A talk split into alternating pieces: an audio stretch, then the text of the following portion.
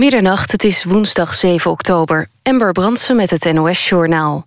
Bewoners van het Drentse dorp Oranje hebben de weg naar het asielzoekerscentrum geblokkeerd. Twee bussen met asielzoekers die op weg waren naar het centrum zijn daarom omgekeerd. Afgelopen avond zouden 3 tot 400 vluchtelingen naar Oranje worden gebracht. Uiteindelijk worden daar 700 extra asielzoekers ondergebracht... bij de 700 die al in het centrum verblijven. Eerder op de avond hebben boze inwoners van Oranje... de auto van staatssecretaris Dijkhoff belaagd. Die had de bewoners op een besloten bijeenkomst bijgepraat... over de komst van de extra asielzoekers. Toen hij wilde vertrekken trokken mensen een deur open... rukten een spiegel af en trapten tegen de auto. Een ambtenaar van de gemeente Amsterdam en zijn partner... hebben mogelijk miljoenen euro's verduisterd. De zaak kwam toevallig aan het licht toen een politiemedewerker op internet zag... dat iemand een aantal speedboten en andere dure spullen te koop aanbood. Bij verder onderzoek kwamen onverklaarbare geldtransacties aan het licht. Onder meer een overschrijving van 600.000 euro van de gemeente Amsterdam... naar het bedrijf van de vrouw. Het stel zit vast. De 126 Ajax-supporters die zondag werden opgepakt op trainingscomplex De Toekomst zijn vrijgelaten. Ze hebben een dagvaarding gekregen. De groep moet later voor de politierechter komen. De Ajax-fans bezetten zondag de kantine van het trainingscomplex. Ze zijn boos omdat ze al maanden geen supportershome hebben. Het oude gebouw brandde in januari af. NAC Breda heeft trainer Robert Maaskant ontslagen. Volgens het bestuur was er geen vertrouwen meer... dat Maaskant de ploeg nog op de rails kan krijgen. NAC degradeerde vorig seizoen uit de eredivisie... en heeft van de negen wedstrijden in de eerste divisie er maar drie gewonnen. Het weer vannacht is het bewolkt en valt er lokaal een bui. Het koelt af naar 12 tot 14 graden. Ook komende dag is het op de meeste plaatsen grijs en valt er een bui. Het wordt maximaal 17 graden. Na morgen minder buien, maar wel wat koeler. Dit was het NOS Journaal. NPO Radio 1. VPRO. Nooit meer slapen.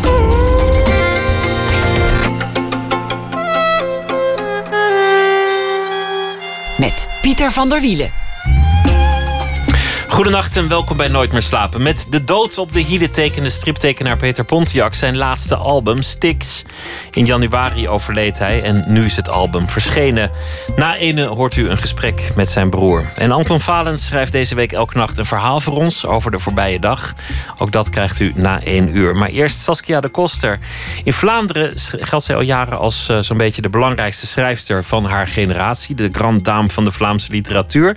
Maar ook in Nederland is zij inmiddels bekend en gelauwerd. Haar vorige boek, Wij en ik, werd een bestseller in Vlaanderen, maar ook toch wel in Nederland won de Opzij Literatuurprijs en uh, kwam op de longlist voor nog een paar andere grote prijzen. En nu is er het nieuwe boek Wat alleen wij horen is de titel daarvan. Het gaat over een appartementencomplex in een grote stad en de bewoners daarvan. De firma die het beheert, die wil de bewoners weg hebben. En elke bewoner gaat daar op zijn eigen manier anders mee om. Over mensen die toch vlak langs elkaar heen leven. Saskia de Koster werd geboren in 1976. Ze woont in Antwerpen, schreef meerdere romans, schrijft ook columns voor de morgen. Ze veroorzaakt af en toe een relletje in België als ze daar zin in heeft. En ze is vertaald in tien talen. Saskia de Koster, hartelijk welkom. Hallo. Je bent een schrijver, dus je bent veel thuis. Zit je te werken, kijk je uit het raam, dan zie je de regen, zie je de sneeuw, zie je blaadjes, zie je mooie lentedagen, zie je voorbijgangers. En op een dag zie je je overbuurman naar het raam springen. Klopt. Ja. Zo is het begonnen. Uh, dat was de kiem echt voor uh, het verhaal, voor wat dat in wij hoort. Maar dat is wel al lang geleden ondertussen. Het kan natuurlijk dat er zoiets blijft sluimeren en dan gaat zich dat toch uh, vertakken tot een verhaal. En wat jij nu vertelt is denk ik 15 jaar geleden of zo gebeurd toen ik in een erg lelijk appartementsgebouw woonde. En ik had uitzicht op een, een man. En ik kon zijn leven helemaal volgen wat hij deed. Uh, hij was werkloos, hij uh, keek erg graag tv, dronk graag bier. En ik dacht, oké, die heeft zijn, zijn leventje zoals hij het wil. En op een dag zie ik hem inderdaad uit het raam springen. En uh, dus die man heeft zelfmoord gepleegd. En voor mij was die schok, ja, niet alleen dat het een heel gruwelijk gebeuren is om zoiets te zien, met veel bloed en viezigheid, maar vooral ook had dat wel psychologisch een impact. Dat je wel gaat stilstaan bij het feit dat je met zoveel mensen op elkaar woont. Bij uitstek in een appartementsgebouw.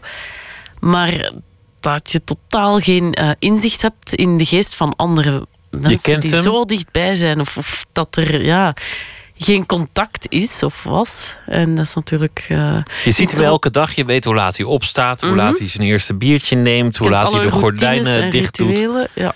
Maar wat er in zijn hoofd speelt, weet je niet. En op een dag springt hij. Ja, en dan, uh, ja, dan sta je daar. Of dan, dat, deed me wel nadenken over dat feit. Zeker nu, we zitten in een heel overbevolkt West-Europa. Grootsteden.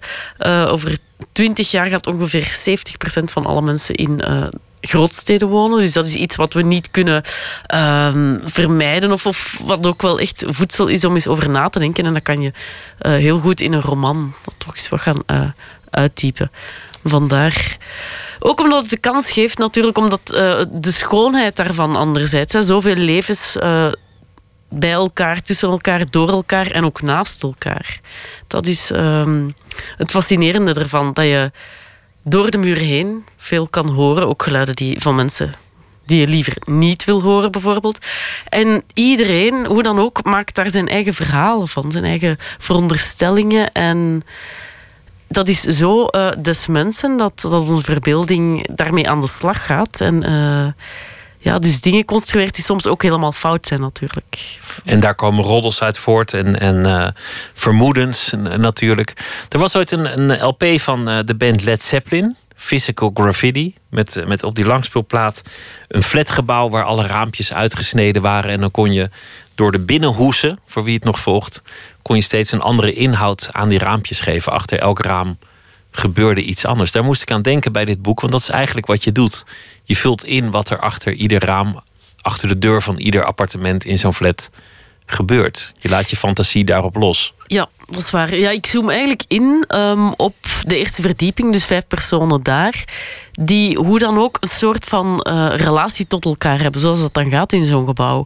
Uh, er is een alleenstaande moeder, een, haar zoon, zoontje van vier jaar. Dan een oude man die eigenlijk de greep op zijn leven verliest. En een, uh, is er nog een zus en een broer. Maar ook het soort van je zou bijna kunnen zeggen, het is uh, een, een, alternatieve familie die heel tijdelijk is. Het is een tijdelijk verbond en mensen komen in een gebouw terecht. Ook in een soort van geworpenheid, zoals wij in het leven of in een familie geworpen worden.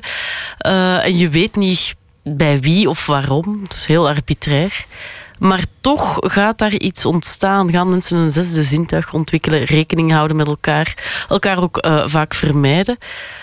Uh, maar bijvoorbeeld in het geval van die oude man George en kleine jonge Klaus. De oude man is een soort van surrogaat opa voor het jongetje. Dus er ontstaan ook in steden, in moderne grote steden, nieuwe relatievormen, denk ik. Doordat we. Uh, ja, doordat er uh, zoveel veranderd is. Dus in dat opzicht is ook wat alleen wij horen voor mij een logische uh, opvolger van Wij en Ik. Dat Want wij, en, wij en Ik ging over een, een uh, Vlaamse middenklasse familie... die ergens aan de rand van de stad woont... in een, in een buurt op een heuvel... waar je met een, een weg als een tong naartoe moet. En eigenlijk ging het ook daar over individuen... in ja. hun familie, in de groep. En eigenlijk doet iedereen alles voor zichzelf. Mensen leven langs elkaar heen. Mensen zijn uiteindelijk in essentie egoïstisch. Goh, Of heb ik het weer te zwart gelezen? dat is heel. Ja, dat is een interpretatie. Ik denk dat het, uh, dat het misschien iets genuanceerder is dan dat. Mensen zitten altijd in. Uh, hangen met heel veel tentakels aan anderen vast. En in een familie is dat iets, is dat een biologisch gegeven? Is het bloed en DNA dat doorgegeven wordt? Of in traditioneel gezin dan toch? Um, en dat brengt heel veel problemen en vraagstukken met zich mee. Ook van hoe ga ik zelf mijn leven leiden? Welke patronen volg ik na? Uh, wat vind ik belachelijke gewoontes die ik niet ga navolgen? En natuurlijk in, in een stad of met andere mensen heb je dat ook. Hè, die vraag van, van uh, wie ben ik als persoon? En die andere... Pff, wat doen die mij? Bijvoorbeeld, uh, mensen krijgen te horen, de bewoners, dat ze daar moeten vertrekken. En bij sommigen gaat de alarmbel dan volledig rinkelen. Is dat... Uh, zoals bij de alleenstaande moeder Melanie, die, die is in alle staten. Die ziet daarin ook haar kans om zichzelf te gaan verwezenlijken als een soort van verzetsheldin. Dat is ook wat mensen graag doen, uit een soort van uh, liefdadigheid die ze nodig hebben om, om hun identiteit soms te vormen. Dus zij kan zich daar volledig in smijten. Um, erin, de, de schrijfster, die vindt dat gewoon een klein detail. Dat haar leven niet zozeer zal veranderen. Uh, gewoon van, van woonplaats veranderen. Maar voor de meeste mensen is het wel een moment om samen te komen, om samen een uh, gemeenschappelijke vijand te hebben. Dat is altijd iets heerlijks natuurlijk. De firma is dat? De, de firma die ze weg wil hebben? Ja. En het is natuurlijk ook een ideale gelegenheid om uh, verhalen te gaan vertellen. Of halve uh, waarheden en, en, geruchten en roddels. En roddels zijn eigenlijk een heel mooi bindmiddel voor mensen. Het is niet alleen uh, het afvalwater van um, een, een afwas of een schoonmaak of zo. Nee, ik denk dat dat iets heel... Mensen vinden het heerlijk om elkaar verhalen te vertellen. Ook al weten ze heel vaak, die zijn eigenlijk helemaal niet zo echt of niet zo waar. Maar dat is het, het uh, wat ik ook heb willen aantonen. Er zijn zoveel verhalen. De kracht van de verbeelding is wat ons als mensen eigenlijk bindt. Wat ons uh, door alle veranderingen heen kan helpen. En dat kan zijn in de vorm van uh, tweets, maar ook in de vorm van een klein jongetje dat zit te babbelen met zijn knuffelbeest of zo. Maar uiteindelijk heeft iedereen uh, zijn eigen leven. De ander leer je niet kennen. Zoals jij je overbuurman die uiteindelijk uit het raam springt niet hebt gekend. Je zegt elkaar gedag, maar wat, wat er echt in hem omgaat, zul je nooit weten. Er zat één scène in eh, die me amuseerde. Dat was dat, dat iemand boos wordt op het internet en dan iemand verrot scheldt. En dat blijkt dan de buurvrouw te zijn en hij wordt ontmaskerd. Mhm. Dat deed me denken aan een uh, Vlaams programma. Um, hoe heet ze? En de Koster? Ellen en de Koster? Karen en Karen de En, Koster. Karen maar je bent wel goed Koster. geïnformeerd dat die programma's tot over de grens halen. Dat is... Nou, het was een briljant idee. Want wat Mhm. zij doen is eigenlijk heel eenvoudig. Ze zoeken iemand die een rottig bericht heeft geplaatst op het web. Die zoeken ze op met de eenvoudige vraag... kun je het even op de camera herhalen? En dan zeggen mensen hele gruwelijke dingen... van alle vluchtelingen moeten dood... of eh, laat ze lekker verzuipen... of eh, racistische dingen, of nou ja, noem maar op. En eh, we gaan luisteren naar een fragment van, eh, van dat programma... waarin iemand had gezegd, op zijn mooi Vlaams verwoord... van nou ja, een ge genocideke ter tijd en stond... nou, wel, dat moet kunnen, hè? Laten we luisteren. Ian, een klein genocide op zijn tijd moet kunnen. Ja, maar dat was een reactie op... Uh, dat kun je toch niet menen? Dat meen ik uiteraard niet. Uiteraard niet. Uiteraard niet. Uiteraard niet, maar dat was een Iedereen kan dat lezen hè? en iedereen ziet jouw naam staan. Ja, maar ik heb er ook absoluut geen probleem mee. Het is gewoon een mening waarvan veel mensen denken van... is die jongen een beetje zot? Dat mogen ze denken van mij, daar heb ik ook geen probleem mee. Voor alle duidelijkheid, je meent het niet. Maar nee, absoluut niet. Iemand die dat meent is effectief zot. Hè. Maar het gaat er maar om... Schrijf het dan niet. Jawel, jawel, jawel. Genocide is zo'n geladen woord. Ja. Af en toe een keer schoppen net tegen was geen heilige huisjes omverpissen. Moet kunnen. Heilige huisjes omverpissen, ja, ja, dat moet kunnen. Ik meen het niet, maar uh, een genocide op zijn tijd, ah wel, dat moet kunnen. Wat zegt dat jou eigenlijk? Want, want jij vond het leuk om zo'n scène te gebruiken. Je, mm -hmm. je, bent bezig met dat thema van mensen die zich onttrekken aan elkaar en toch tot elkaar veroordeeld zijn op de een of andere manier. Waarom, waarom ja, boeit jou ik vind, dat? ik vind dat dus prachtig en heel veelzeggend, hè, wat, wat, we hier ook net gehoord hebben. Mensen zijn helemaal geen monolieten of blokken beton. Maar van, allez, ik vind altijd, uh, ik wantrouw mensen die zeggen van ik ben iemand uit één stuk. En ik ben ik, altijd hetzelfde. Ja, zo, dat vind ik verschrikkelijk. Ik wil echt helemaal niet dezelfde zijn. Als ik terugdenk aan hoe ik was toen ik uh, 18 was of zo, daar zou ik echt nu van weglopen. Um, en dan ook nog, het is niet alleen dat je in tijd verandert, maar iedere mens heeft heel veel verschillende stemmen of sporen in zich. En dat is, vind ik ook, zoals die man die nu net zegt van ja, nee, een genocide, maar nee, natuurlijk meen ik het niet. Uh, betekent dat hij wel enig zelfinzicht heeft of een vorm van uh, ironie gebruikt of, of ook gewoon soms heel foute gedachten heeft en die dan wel loslaat op Twitter, want het medium is ervoor gemaakt. Hè. Dat is zo'n beetje uh, de roddel 2.0 van onze samenleving. Het vraagt er gewoon om. Maar als je alleen maar samenvalt met één stem in jezelf, ja, dan ben je denk ik ofwel een heel um, dom persoon of erg uh, onderontwikkeld. Of gewoon saai. Uh, ja, dat kan, ja, dan heb je misschien zelfs helemaal geen stem. Maar ik bedoel maar. Um, er, er zit zo altijd een wirwar in ons hoofd. Veel stemmen die door elkaar spreken. En ik heb bijvoorbeeld ook letterlijk zo gedaan bij Melanie. Die drie mevrouwtjes in haar hoofd heeft. Die altijd aan het kibbelen zijn. Vrouwtje fatsoen, vrouwtje actie en zen. Die zowat die strijd in haar eh, vertolken. Omdat dat in, in... Ja, dat geeft net ook de kans aan ons, als er iets is om te kunnen veranderen. Als je maar op één spoor zit, dan, dan wordt dat veel te moeilijk. En... Ben je daarmee eigenlijk ook positief? Want dat, dat meen ik net te horen toen je zei... we hebben verhalen nodig om ons te binden, ook via Twitter. Ben je er eigenlijk heel positief over? Want je hoort meestal mensen over toch sociale media bedoel Ja, je hoort er vaak gemopper over, maar...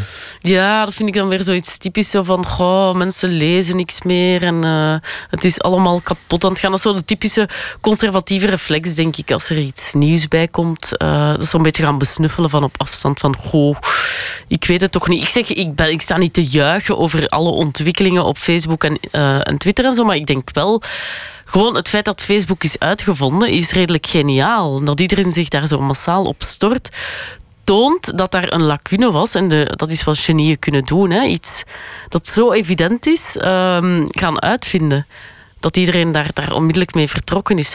En ik ben daar vrij zeker van dat dat geen tijdelijk fenomeen is. Van nu gaan we even Facebook en dan komt er een nieuwe hype, nieuwe Tamagotchi of weet ik veel wat. Uh, het voldoet echt wel aan de behoeften van mensen, ook om, om van je eigen leven een, een verhaal te maken. Dus, te gaan modelleren en te tonen en uh, even een deurtje open te doen van wie je zelf bent. Dan liefst zo voordelig mogelijk. Vandaar dat het ook zo'n zo positief medium is, meestal. Al, al uh, vallen er wel mensen door de mand. Uh, we zijn allemaal vrienden, we zijn eh, fantastisch goed gekleed, altijd goed gezind en zo. Maar het is een, een, ja, een uitermate verhalend iets. maar dat is ook iets waar je, waar je mee, mee speelt, ook in je vorige boek. Mensen die leven voor de buitenwereld. Mooie spullen willen hebben. Laten zien dat ze succes hebben. Maar achter de deur eigenlijk niet, niet slagen om, om een goed bestaan erop na te houden. Uh, ja, dat is waar. Er zit dan een soort van, van façade of, of waan in die uh, per se in stand gehouden moet worden.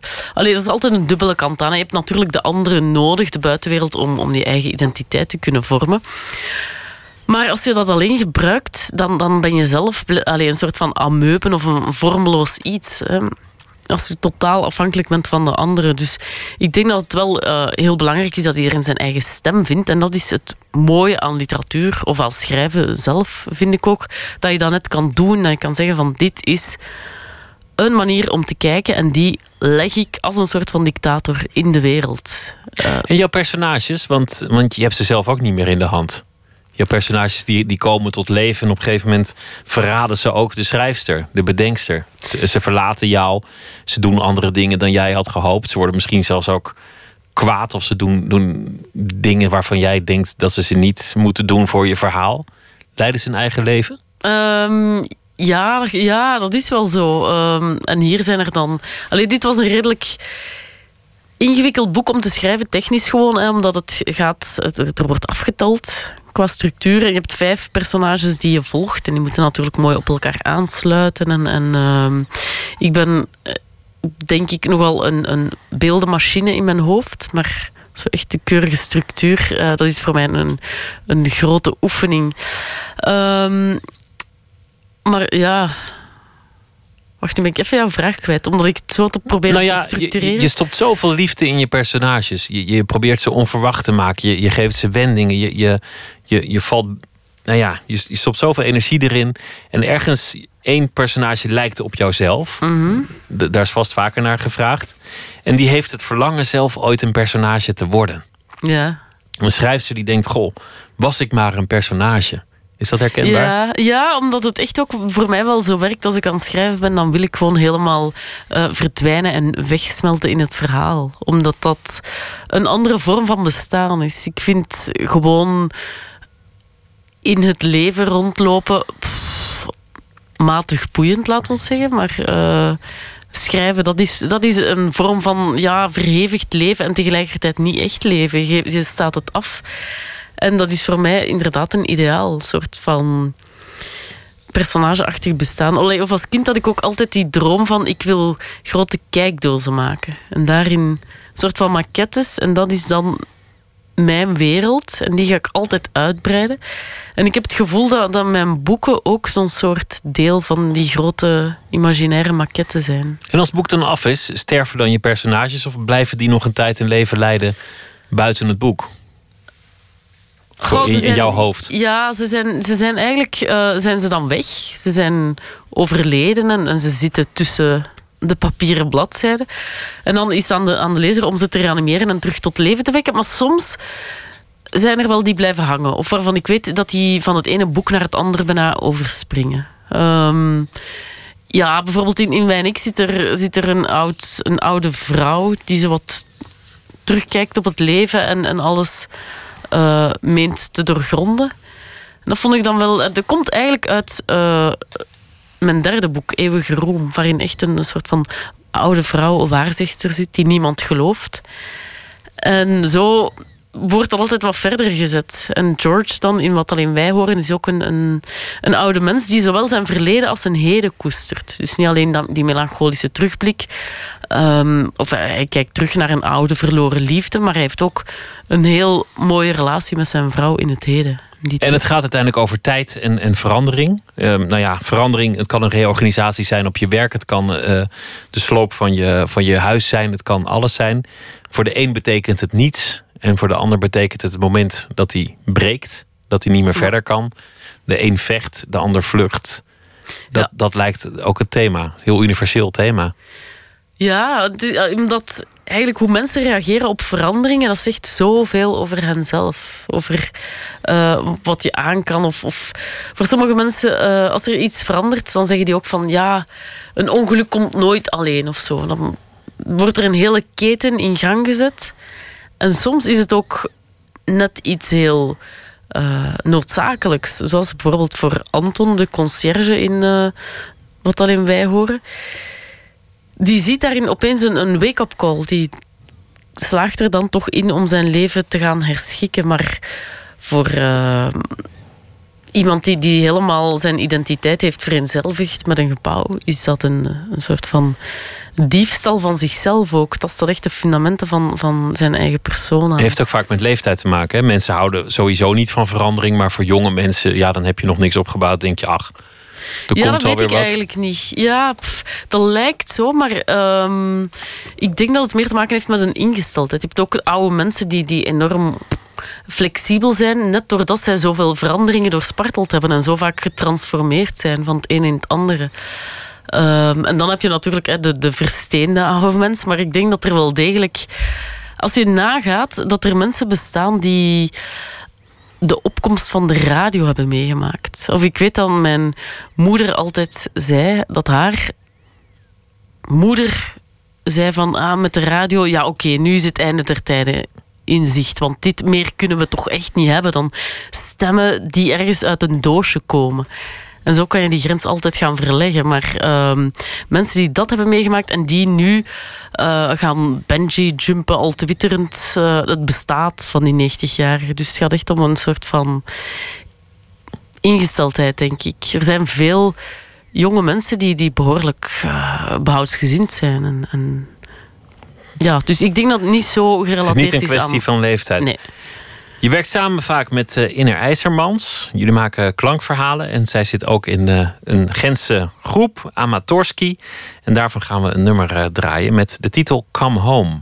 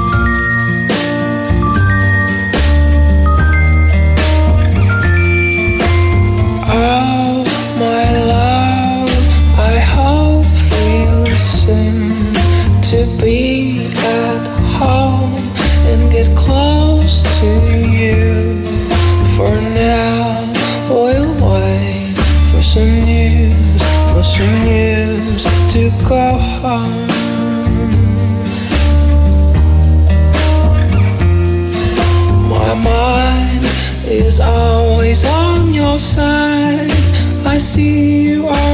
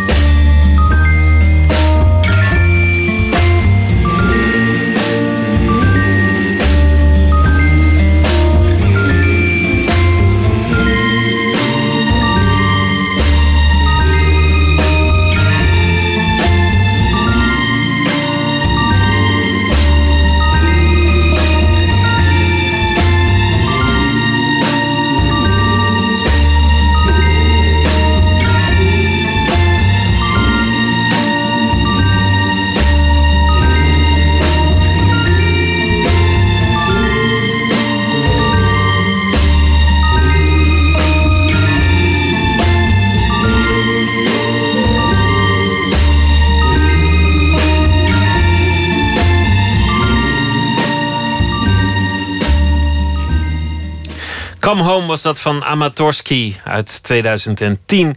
Saskia de Koster zit tegenover mij in Nooit meer slapen. Wat alleen wij horen is de titel van het boek. De bewoners van het appartementencomplex horen op een dag een mysterieuze piep. Is dat eh, psychosomatisch, een groepsneurose of eh, nou ja... Je komt erachter eh, in het boek uiteindelijk. Je vorige boek ging over de- Vlaamse middenklasse in een, in een nette buitenwijk. Was dat eigenlijk een beetje de, het soort omgeving waarin je zelf bent opgegroeid? Eh, min of meer, ja. Toch wel. Ik. eh, ja, het speelt zich af in een, wij noemen dat een verkaveling, een soort eh, suburb of zo. En die plaats, het is een fictieve plaats, maar veel mensen menen ze toch te herkennen. En ik moet zeggen dat daar behoorlijk wat mensen heel erg In de buurt kwaad zaten. waren over eh, dat boek. Of, eh, ja, mijn familie was er nu ook niet echt mee opgezet. Omdat de herkenbaarheid misschien iets te groot was voor sommige stukken. In je laatste boek noem je ook geen stad. Velen menen daar Antwerpen in te herkennen, maar het, het wordt nergens dat, genoemd. Ja, dat klopt ook niet. Ehm, het is een grootstad in West-Europa. En Antwerpen is echt geen grootstad, het is een dorp.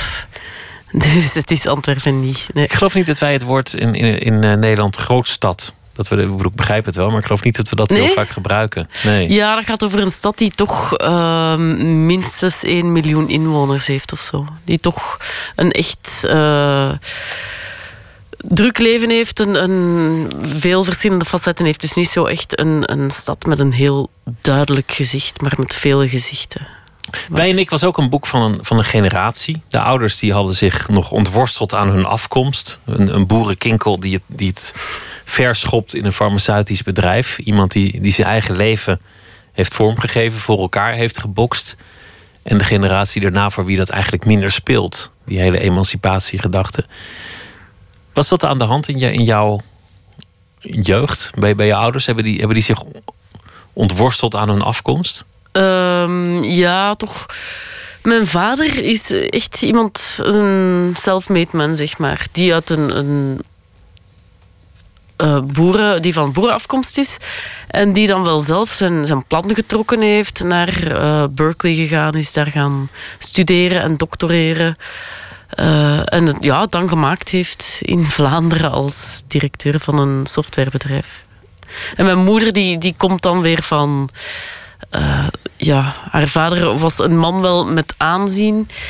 En zelf heeft ze dan eh, rechten en notariaat gedaan. Dus bij thuis, ik heb nog twee zussen en een broer. Maar ik was dus omsingeld door eh, advocaten en ingenieurs. Allemaal mensen die eh, het nette pad hebben gekozen, zou je kunnen zeggen. Ja, het nuttige pad vooral. Ehm, ik vind schrijven ook heel net hoor. Maar, Ja, maar het is, het is een soort keuze waarvan ouders schrikken. Waarvan Ja, ouders denken, alsjeblieft doe iets anders. Ja, doe iets nuttigs. Hè. Ehm, het mag als een soort van frivoliteit is schrijven wel leuk. Herinner ik me nog dat, dat mijn moeder zei van... Hè, je mag ook wel een beetje tekenen en schilderen en zo... om dan ergens in een parochiezaal tentoon te stellen. En ik weet dat ik woedend was toen ze mij dat vertelde... omdat ik een torenhoge ambitie had en mijn enige focus was... ik ga dingen maken en in de wereld neerzetten... En dan werd er zo'n domper op gezet. Ik vond dat vreselijk. Dus dat, dat clashte wel. Is dat ooit goed gekomen? Hebben ze je ooit geaccepteerd? Ehm, dat is nu eens echt een moeilijke vraag. Dat weet je Ehm, niet. Nee, ik, ik, er is altijd zo'n soort van indirecte communicatie, zeker over eh, wat ik maak, daar, waar ze toch wel een beetje huiverig tegenover staan of altijd hun hart vasthouden van eh, wat gaat het nu weer worden. Eh, dus ik, ik weet het eigenlijk Omdat het misschien wel over hun zelf gaat indirect. Ja, dat is natuurlijk altijd. allee, en, en het is niet zozeer van dit is nu een onversneden autobiografisch iets of zo, maar eh, bijvoorbeeld seks is een no-go-zone. Absoluut, per Ja, definitie. dat per definitie. Dat kan dus niet. Dus zeker eh, tussen twee vrouwen is al helemaal vreselijk. Dus er zijn een aantal dingen die, ja, een aantal blinde vlekken en dingen waar zij echt eh, liever niet gaan. En dat vind ik net domeinen waar ik, die ik wel wil betreden of toch wil aanraken. Maar dan hebben ze eigenlijk een, een belangrijk deel van jouw zijn ook nooit geaccepteerd. Namelijk, je bent samen met een vrouw. Ehm, ja, dat is wel altijd een, een heel moeilijke kwestie geweest. Ook omdat het, denk ik, een beetje samenhangt met het feit van speciaal willen doen, zogenaamd. Omdat kunst al zo'n richting is die je alleen kiest als je wil eh, opvallen of toch een beetje erbuiten vallen of zo. En ik denk dat het ja, dan gemakkelijk zo gezien wordt dat een geaardheid daarbij aansluit dat dat een keuze is om in te gaan tegen de, weet ik veel, heteronormatieve maatschappij of zoiets. Maar ze hebben twee eh, lesbische dochters gekregen. Nu vertel je heel veel, ja, maar het is helemaal waar. Ja. Dus, dus maar het, ook eh, nog een, ehm een, een heterodochter en een heterozoon. Dus Maar goed, het, het, lot, verdeeld. het lot was ze dan vanuit hun visie niet gunstig gezind, uiteindelijk. Ja, wie weet dat ze daar nu al iets milder naar kijken, maar eh, dat was echt een heel groot struikelblok. Ja, zeker. Je wilde al heel jong schrijfster worden, zei je net. Je maakte Hm. kijkdozen en, en eigenlijk wilde je een wereld creëren. Kwam het al echt in je op dat dat een beroep kon zijn? Werelden creëren en verhalen bedenken? Wel, ik, in mijn herinnering heb ik al van in de buik van mijn moeder dat plan gehad. Van ik wil gewoon eh, mijn eigen wereld maken. Of mijn versie van, van, hoe ik, van de wereld van hoe ik die zie. En het ging er mij vooral om om dat te gaan doen en alles wat dat in de weg stond eh, te gaan negeren of eigenlijk een beetje blind te zijn voor andere dingen. Dus vooral eh, niet te werken. Ik wist eigenlijk, en dat verkondigde ik ook als kind, tot grote vreugde van mijn ouders, van ik ga nooit werken. Want ik heb eh, boeken te schrijven en, en dingen te maken. En eerst lachten ze dat wel een beetje weg. Ze van, "Ach, ja, Saskia met haar onnozele ideeën. Maar dat was mij wel echt grote ernst. En dan zeker als je dan opgroeit en in, in puberteit is alles nog eens extra eh, important en, en groot en zo. En dan begonnen zij te zien van oei, ja, en nu? Die gaat echt niet, niet ja, advocaat worden of, of wat dan ook. Die gaat niet deugen, zou, zouden ze misschien wel gedacht hebben. Maar ja, ik denk dat ik het mijn ouders natuurlijk ook wel niet altijd makkelijk gemaakt heb. Hoor. Of mijn moeder, die kon, die, die kon echt wanhopen, ook toen ik klein was nog. Je maakt Omdat altijd dingen kapot, is een van de verhalen die ik heb gehoord. Ja. ja, omdat het gewoon zo... Ik vond het veel interessanter als ik een nieuw, nieuwe Schotse rok had en ik vond die heel lelijk. Dan ging ik daar gewoon mee in de prikkeldraad hangen en dan zag die er veel leuker uit. Of als... Ja, gewoon ook dingen testen. Hè? Een, een eh, nieuwe vaas. Testen hoe sterk dat die was of zo. Ehm, dat had meer te maken met, met dingen gaan ontdekken eh, dan echt zo destructiedrang. Of ja, alles moet kapot. Dat was het niet. Nee, het was eerder kijken van wat kan je doen met de wereld en, en wat kan je omvormen of omsmelten. Of ik, bijvoorbeeld mijn broer en ik, wij maakten heel veel kampen. En dan waren wij ook bessen aan het verzamelen. En dan zetten wij die in de zon. Maar dat begon natuurlijk te gisten, dus daar ontstond een soort alcohol. En als kleine kinderen dronken wij dat, tot mijn moeder dat ook ontdekte. En eh, dan vertelde van, man, jullie hadden blind kunnen zijn en zo. Dat is dan zo'n botsing met de werkelijkheid. En dan dacht je van, oh nee, ik wil helemaal niet blind zijn. Maar dat was wel spannend. Dingen, dingen Ja, opnieuw dat vond ik bedenken. heel fijn. De wereld Ja. ordenen. In je, in je eerdere boeken, in je laatste boek ook wel, maar in je eerdere boeken kon je ook heel makkelijk dingen laten gebeuren die natuurkundig niet mogelijk zijn. Een, een schildpad die praat. Of, of een vrouw met een immense kont die gelukkig is terwijl de vogels die kont aanvreten.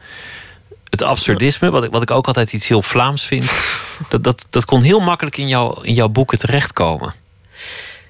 Ja, ik denk dat dat een. een ehm, ik weet, ik, allee, ik kan dat niet precies verklaren, maar dat, dat is misschien iets eh, in het drinkwater in Vlaanderen of de schuld van Magritte of zo. Maar het is wel waar dat iets is wat bij mij heel, heel makkelijk komt. En soms moet ik het zelfs gaan inperken, omdat ik denk van oké, dit is echt te, te belachelijk. Maar de wereld is ook behoorlijk absurd. Of is een rangschikking van, van regels vaak. En dat het is dan een maatschappij, maar kan net zo goed iets anders zijn. Dus eh, ik vind dat mooi om een beetje je fantasie los te laten op de wereld. En daar. Is dat waarom je schrijft uiteindelijk? Omdat je, dat je de werkelijkheid simpelweg te saai vindt? Omdat ik de werkelijkheid wil verbreden. Ik wil die open wrikken met een soort van eh, koevoet soms om te tonen. ehm, ja, soms net om te tonen dat dingen helemaal niet zo eh, vastgelegd zijn als, als we denken dat ze zijn. Of, of om te tonen ook om de grenzen te zoeken van ja, wat is een maatschappij en wat is eigenlijk eh, wat is een mens? En kan je daar bijvoorbeeld een rangorde in aanbrengen? Want we zijn altijd zo geneigd om te zeggen van ah, en ehm, deep down zijn alle mensen gelijk en zijn we allemaal eh, mooie wezens met een empathisch vermogen en zo. Ik denk dat daar wel, eh, wel degelijk een groot verschil in is. Dat er.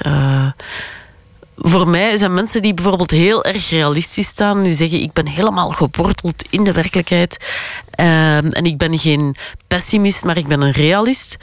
Ik denk dat dat mensen zijn die eigenlijk maar half mens zijn.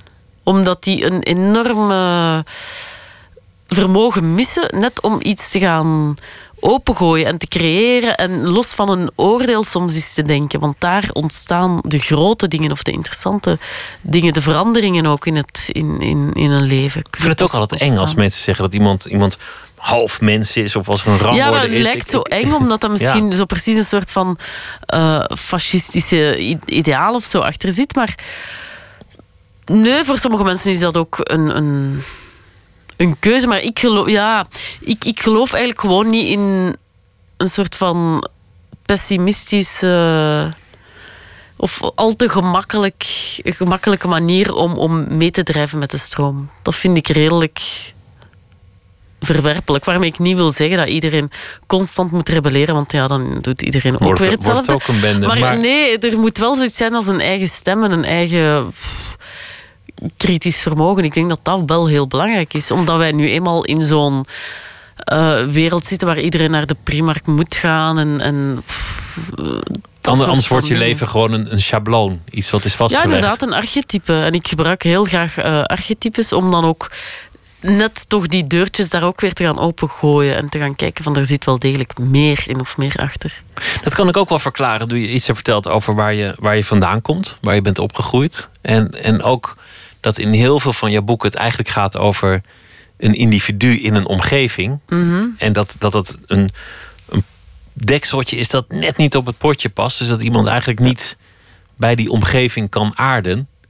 Dat komt volgens mij gewoon ook uit je eigen achtergrond van niet aarden of niet geaccepteerd worden in de plek waar je opgroeit. Dat is een, een goede analyse, maar die ik denk voor iedere mens wel opgaat. Wij zitten altijd met een soort van gevrongenheid of nooit volledig kunnen samenvallen. Dat is zo'n streven naar het ultieme. Hè. Iedereen wil samenvallen met de grote liefde en helemaal eh, versmelten of opgaan in iets.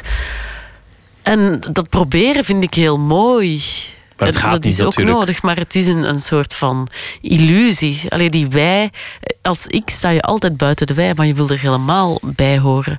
Ehm, Maar de liefde is natuurlijk ook vol van egoïsme. Ik bedoel, je wil volledig versmelten, maar uiteindelijk is er ook een soort boekhouder die, als het uitgaat, alles blijkt te hebben bijgehouden. Elke opoffering en wie wanneer wat betaalde. Dat, dat ego, dat, dat laat zich helemaal niet uitschakelen. Nee, en ik denk dat dat. eh dat is maar goed allee, dat is zo typisch. En hè, moeder Therese was eigenlijk de grootste egoïst die er was, zou je kunnen zeggen. In dat opzicht, hè, want we willen onszelf behagen door anderen ook te gaan, te gaan helpen en zo. Dat is nooit onbaatzuchtigheid. Maar dat bestaat verlangen, eigenlijk niet, of, of zorgt ook voor eigen identiteitsvorming natuurlijk. zelfverwezenlijking is iets anders wat, wat eigenlijk altijd terugkomt in je, in je boeken. Mensen die, die hun lot veranderen. Mensen die worden wie ze willen worden. Mensen die eh, nou ja, de grote verandering omarmen om een Mhm. hoger lot na te streven. Ja. Vind je dat je jezelf hebt verwezenlijkt? Goh, dat klinkt zo heel doelgericht. Hè? Ik denk ook dat het is zoiets ehm onvermijdelijks bijna. Dat er, je kan niet zo zeggen van oké, nu ga ik veranderen of dit is wat ik, wat ik ga doen. Er overkomen je ook dingen. En dat is bijvoorbeeld het feit dat ik eh, wilde schrijven, is, is mij ook overkomen. Of, of dat is zo die onbeantwoorde vraag van het, het waarom. Ehm, ja, daar kan ik moeilijk. Allee, ik heb daar zo weinig zicht op zelf. Ik denk dat. Nou ja, maar misschien wel een gevoel van trots. Dat je denkt, nou, ik, ik ben toch Nee. schrijver geworden. Nee, ik heb het gevoel dat ik eh, aan het begin sta. Dat ik aan de voet van een piramide sta en die ga ik beklimmen. Maar ik heb daar wel heel veel zin in. Maar ehm, ik denk van ja, pff, ik ben net begonnen. Nu ben ik begonnen. Maar dat is naar ieder boek dat gevoel. Laten we weer gaan luisteren naar eh, een, een Amerikaan, een zanger en een rapper, Son Little. Werkte ooit met The Roots en volgende week verschijnt zijn debuutalbum. En we gaan eh, een liedje draaien met de titel Oh Mother.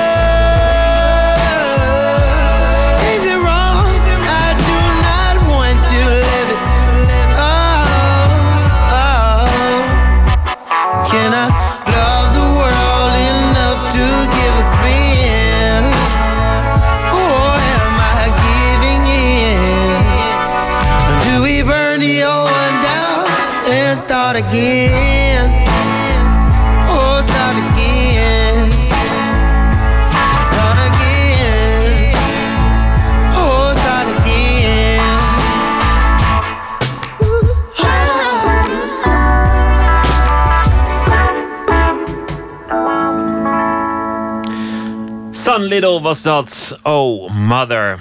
En eh, dit is Nooit meer slapen. Saskia de Koster zit tegenover mij. Wat alleen wij horen is de titel van het boek. We hebben het gehad over eh, verandering. Hoe mensen daarmee omgaan. eh, over, over personages.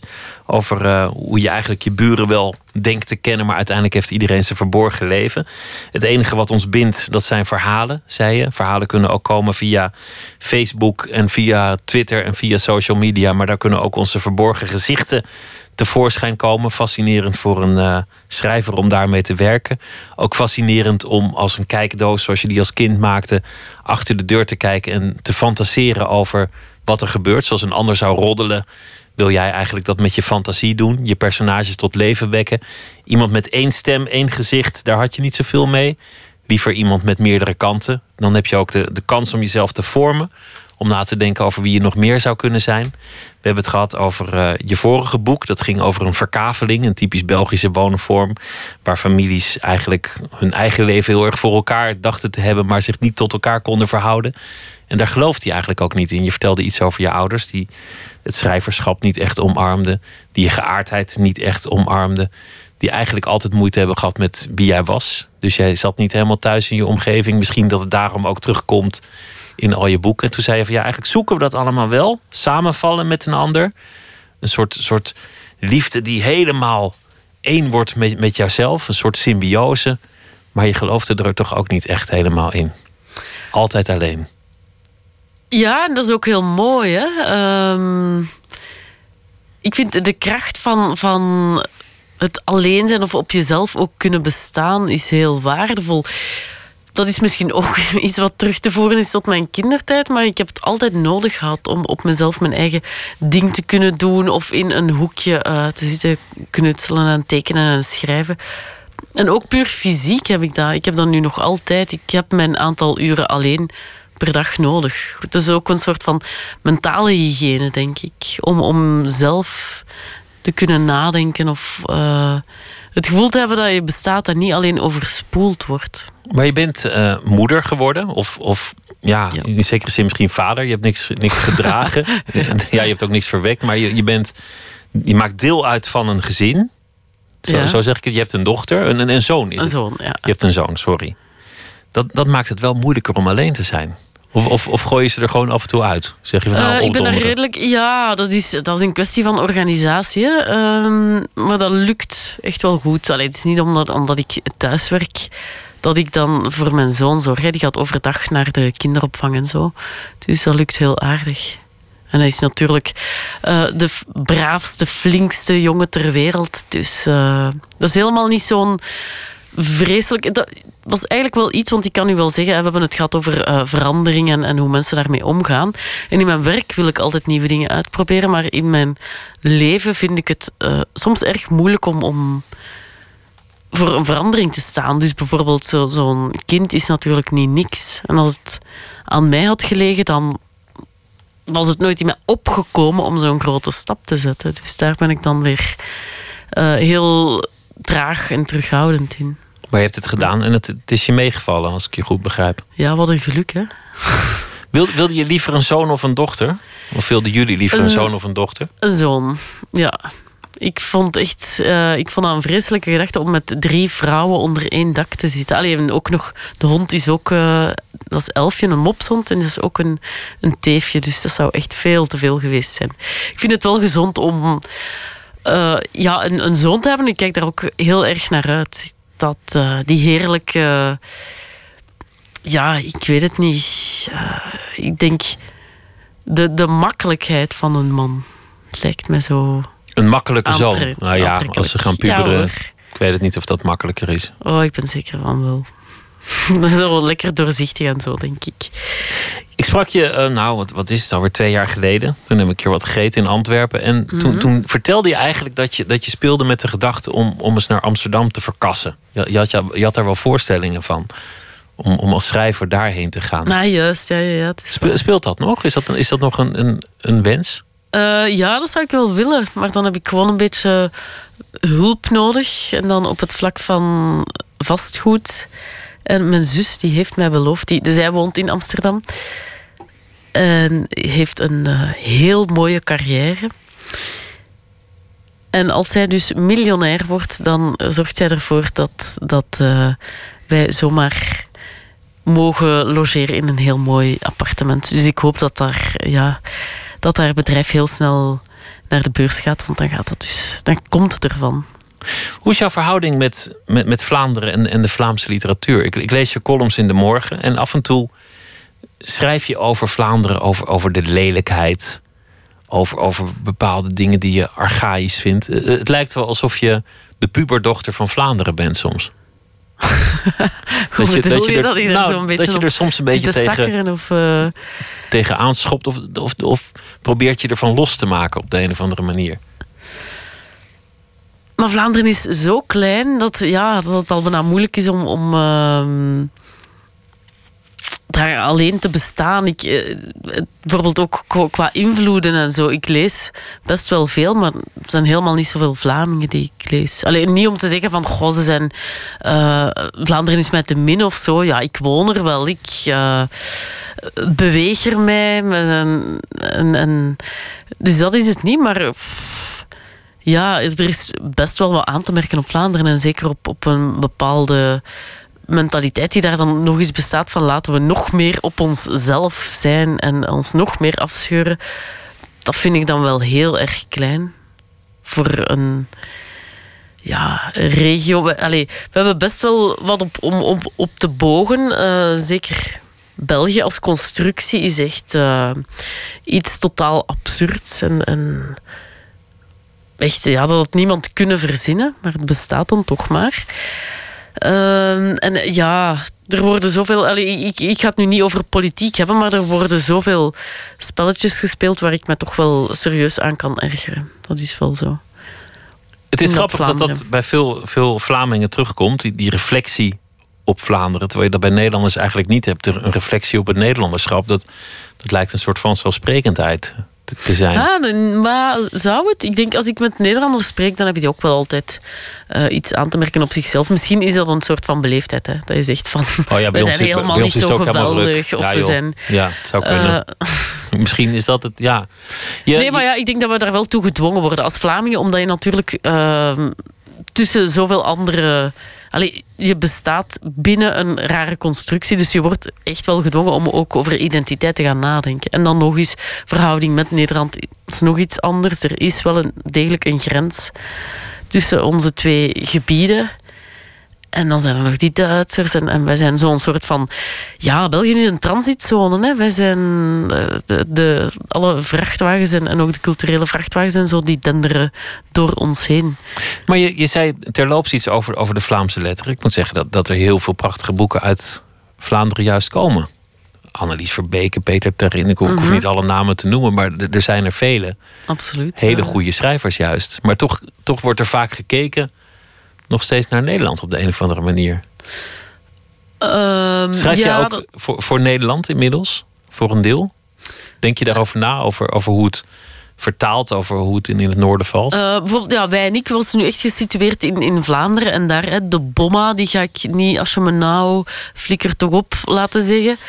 Want die spreekt echt een sappig Vlaams dialect. Maar eh, wat alleen wij horen bijvoorbeeld, dat is wel geschreven met als eh, criterium voor het woordgebruik van het moet ook in Noord-Nederland perfect verstaanbaar zijn. Omdat het zich niet afspeelt in, in Vlaanderen. Dus bepaalde woorden eventjes eh, doorstrepen. Ja, ja, ja. Ja, of dingen waarvan ik helemaal niet wist dat ze fout waren en zo. Noem je wat. Natuurlijk. Eh, wacht, dan moet ik nu echt wel diep gaan nadenken. Ehm, Ik meen me iets te herinneren van, van dat zelfs een, een seksscène herschreven moest worden... omdat ze dat in het noorden anders zouden zeggen. ja, omdat jullie blijkbaar niet gewoon kunnen volstaan met nog, nog, maar dat het eh, nog meer moet zijn. Ook daar breedsprakiger. Dus- ja. Ja, moet het langer duren en meer. Ja, verbaasde mij. Dus dat zijn dingen die ik echt als Vlaamse helemaal niet weet. Je hebt ehm, een tijdje gewerkt op het, op het Klaus Instituut, het Hugo Klaus Instituut. Maar, maar, maar daar eh, werd je toch recalcitrant van. Van, van het vereren van de ja, grote dat is Hugo echt een stukje van mijn verleden dat ik eigenlijk heel, dacht helemaal weggeborgen te hebben. Ik heb daar heel even na mijn studie gewerkt of eh, poging tot doctoraat gedaan, maar ik, ik wilde eigenlijk helemaal geen doctoraat maken. Ik was vooral mijn debuutroman aan het schrijven daar. Ehm, ja, en ik heb wel een, een heel groot respect en een grote bewondering voor Hugo Claus. Omdat dat net zo'n Vlaamse schrijver is. Ehm, net zoals Annelies Verbeken en Peter Trinnen en zo. Die dat Vlaamse gebruikt en het overstijgt. Want dat moet je ook kunnen. Hè? Een soort... ehm, iets particuliers beschrijven en het universeel laten weer klinken. En ook natuurlijk omdat Klaus zo'n flamboyante, fantastische man was met altijd mooie actrices aan zijn zijde en een heel veelzijdige, mysterieuze man. Maar natuurlijk ook een, schrijver die het zoiets groots heeft nagelaten dat, dat, dat elke Vlaamse schrijver de vergelijking schuwt en bang is dat die vergelijking weer komt. En als je een familieroman schrijft of, of iets wat ook maar enigszins een epos is, dan, dan dringt die vergelijking zich meteen weer op. Dat, dat lijkt me ook een last voor de Vlaamse letteren. Nee, dat denk ik niet. Ik denk dat, want eigenlijk eh, vrees ik, en vind ik ook heel jammer, dat Klaus al bijna, ik zal niet zeggen helemaal vergeten is. Hij bestaat nog als grote naam van een monument. Maar ja, weinig mensen lezen hem. Dat is zo, dus als het dan een soort van holle vergelijking wordt, is het wel heel, heel jammer. Dan heb ik weer het gevoel bijvoorbeeld dat Nederlanders toch nog meer eh Willem-Frederik Hermans en, en, en eh, Mulisch en zo blijven lezen. Meer dan de, de Vlamingen. Je, je experimenteert af en toe met andere vormen. Bijvoorbeeld Mhm. samenwerken met, met kunstenaars, met, met muzici. Je hebt voor dit programma vorig jaar een kerstverhaal gemaakt. Ja. Dat, je, dat je ook met geluid had vormgegeven. Ik vroeg me af, is, is die literatuur nog breed genoeg voor je? Kun je daar nog in alles kwijt? Of, of zoek je eigenlijk ook naar andere vormen omdat je, dat je toch het te beperkend vindt, een boek en een tekst? Maar ik denk dat ik daar eh, redelijk schizofreen in ben, of twee kanten heb. Dus langs één kant wil ik absoluut eh romans schrijven en mij, mij verdiepen in boeken. Heb ik dat ook heel erg nodig, die fases van isolement ehm, en alleen met boeken zijn. Maar ook omdat ik net taal heel erg belangrijk vind en, en dat als materie wil gebruiken, maar ook wil rekken tot de, de grenzen van zijn mogelijkheden eigenlijk. Is bijna logisch dat ik dan ga samenwerken met eh, beeldend kunstenaars. En zoals nu ehm, met muzikanten om, om klankverhalen te maken. Om te gaan kijken van wat kan je nog doen met woorden. Niet alleen zo op papier laten bestaan, want dat is heel erg... Allee, ik vind dat iets heel intiems. Een boek lezen, dat moet je echt alleen doen. En bijvoorbeeld eindeloos een, een, naar, naar voorleessessies gaan van een boek. Ik kan dat niet. Ik vind dat niet interessant. Ehm, In zo'n zaaltje. Ja, en dan zo zeker niet met gedichten. eh, dat vind ik al helemaal onverteerbaar. Allee, of ik kan me daar ook totaal niet op concentreren. En als daar dan zo ter verpozing nog een, een viool of zo tussen zit, ik vind dat gewoon heel raar. Vandaar dat ik dan die poging tot klankverhalen ehm, is eigenlijk om, om ja, eh, verhalen live helemaal anders te brengen. En sferen en eh, zo via klank aan te brengen. Omdat geluid net het vermogen heeft om zo'n directe impact te hebben. Die je live heel goed kan gebruiken. Ik ben benieuwd wat er, eh, wat er gaat gebeuren in je, in je leven de komende jaren. We hadden het over zelfverwezenlijking, we hadden het over verandering, we hadden het over literatuur, over groei en verandering in, in je werk. Heb je eigenlijk, je zei ik sta aan de, aan de, aan de bodem van de piramide en ik ben op weg naar de top. Wat, wat is die top? Dat is, ehm, ja, dat is een goede vraag. Dat is zoiets waarvan je denkt, ik heb ehm, de map, maar ze verandert voortdurend. Dus mijn grote ideaal is een alomvattende eh, film te maken. Die zowel een boek is als een ruimte waarin je kan rond... Ja, eigenlijk een, een, een boek waarin je kan rondlopen, waarin je kan leven en bestaan. Echt letterlijk. Een ruimte. Ja, iets ruimtelijks. Ja, ik vind dat aspect ook... Dat, dat woorden eigenlijk, dat, dat, ze echt, dat ze tot leven komen, dat je ze fysiek kan aanraken en erin bestaan. En ervan kan eten of zo. Nog veel verder dan een eh, boek. Klinkt spannend. Dank dat je eh, te gast wilde zijn, Saskia de Koster. En het eh, boek heet Wat alleen wij horen. Dankjewel. Dankjewel. We gaan zo meteen verder met Nooit meer slapen. En dan gaan we het hebben over Peter Pontiac. Die met de dood op de hielen toch nog een album heeft gemaakt. Stix. Het album is nu verschenen. Anton Valens schrijft deze week elke nacht een verhaal. En dat zal hij zo meteen voordragen. En er is... Hommeles en Ramoer bij kunstcentrum De Appel in Amsterdam. Twitter, het VPRO NMS of de mail nooit meer slapen, vpro.nl.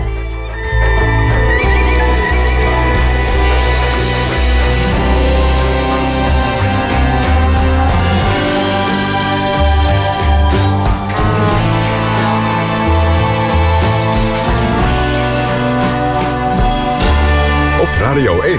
Het nieuws van alle kanten.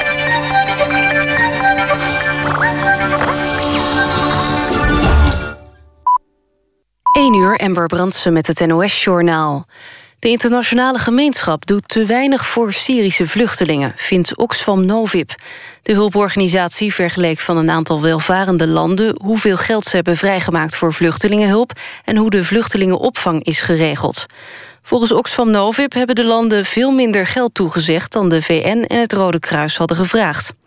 Nederland biedt relatief veel financiële hulp, maar krijgt toch een onvoldoende. De hulporganisatie vindt dat Nederland nog te weinig Syriërs opvangt. Volkswagen wil in januari beginnen met het aanpassen van de auto's met Schumel-software. In de meeste gevallen zal een update van de software genoeg zijn. De kosten zijn voor Volkswagen, zegt topman Müller in de Frankfurter Allgemeine Zeitung. Eind volgend jaar moeten alle auto's in Duitsland zijn aangepast. Of dit ook geldt voor alle 11 miljoen Volkswagen-diesels wereldwijd is niet duidelijk. Bewoners van het Drentse dorp Oranje hebben de weg naar het asielzoekerscentrum geblokkeerd. Twee bussen met asielzoekers die op weg waren naar het centrum zijn daarom omgekeerd. Eerder op de avond hebben boze inwoners van Oranje de auto van staatssecretaris Dijkhoff belaagd. Die had de bewoners bijgepraat over de komst van de extra asielzoekers. Toen hij wilde vertrekken trokken mensen een deur open, rukten een spiegel af en trapten tegen de auto. NAC Breda heeft trainer Robert Maaskant ontslagen. Volgens het bestuur was er geen vertrouwen meer... dat Maaskant de ploeg nog op de rails kan krijgen. NAC degradeerde vorig seizoen uit de eredivisie... en heeft van de negen wedstrijden in de eerste divisie er maar drie gewonnen. Het weer vannacht is het bewolkt en valt er lokaal een bui. Het koelt af naar 12 tot 14 graden. Ook komende dag is het op de meeste plaatsen grijs en valt er een bui. Het wordt maximaal 17 graden. Na morgen minder buien, maar wel wat koeler. Dit was het NOS Journaal. NPO Radio 1. VPRO. Nooit meer slapen.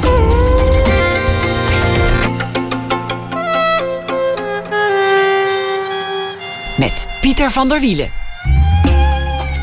U luistert naar Nooit meer slapen. Anton Valens is schrijver en beeldend kunstenaar. Debuteerde in 2004 met Meester in de Hygiëne. Hij heeft ook een verhalenbundel gemaakt, Dweloorlog, een novelle met de titel Vis. En uh, zijn alom bejubelde roman Het Boek Ont is uh, vanaf deze week ook uh, op vrijdag als hoorspel te horen.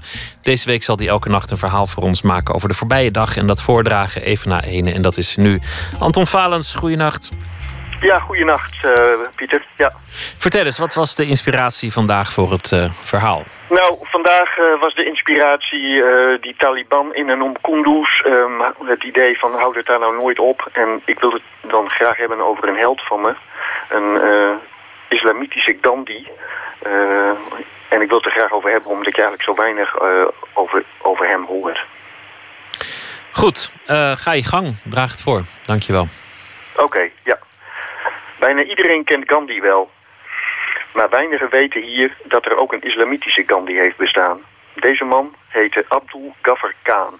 Hij leefde van 1890 tot 1989. Hij en Gandhi waren ook echt bevriend. De thuisbasis van Ghaffar Khan was het grensgebied tussen Afghanistan en Pakistan. Hij slaagde erin, juist daar, een massale, geweldloze protestbeweging op te zetten. De Red Shirts, deze beijverden zich voor onderwijs, gezondheidszorg, vrouwenemancipatie en confronteerden de Engelse koloniale bezetter. Dit was in de jaren 30 en 40 van de vorige eeuw. Jarenlang streed deze beweging middels zitacties, demonstraties en stakingen voor politieke zeggenschap en verkreeg die uiteindelijk ook. Dit alles volgens de strikte non-violence code. Geen vuurwapens, geen knuppels, geen terugslaan. Bijna Jezusachtig. De Engelsen probeerden het leger met bloedgeweld te provoceren, maar dat lukte niet. Kafar Khan en zijn getrouwen zaten om de havenklap in de bak. Toch zetten ze stug door. Geweldloze jihad, anno nu een zeer vreemde woordcombinatie. Maar toen was dat leger 100.000 man en vrouw sterk. Telkens als ik iemand hoor betogen dat de islam intrinsiek gewelddadig en vrouwvijandig is, moet ik aan Ghaffar Khan denken. Zijn erfenis kun je verkwanseld en marginaal noemen. De achterkleinkinderen van de Red Shirt soldaten rennen over het erf met een Kalashnikov. Maar toen Ghaffar Khan stierf, werd de grens tussen Afghanistan en Pakistan één etmaal geopend. Een 20.000 koppige vredeskaravaan begeleidde de kist te voet van Peshawar naar de begraafplaats in Afghanistan. Een verhaal over de Gandhi van eh, Afghanistan. En eh, ja, over, over toch de actualiteit. Want wat je zei, houdt het dan nooit Ja. op?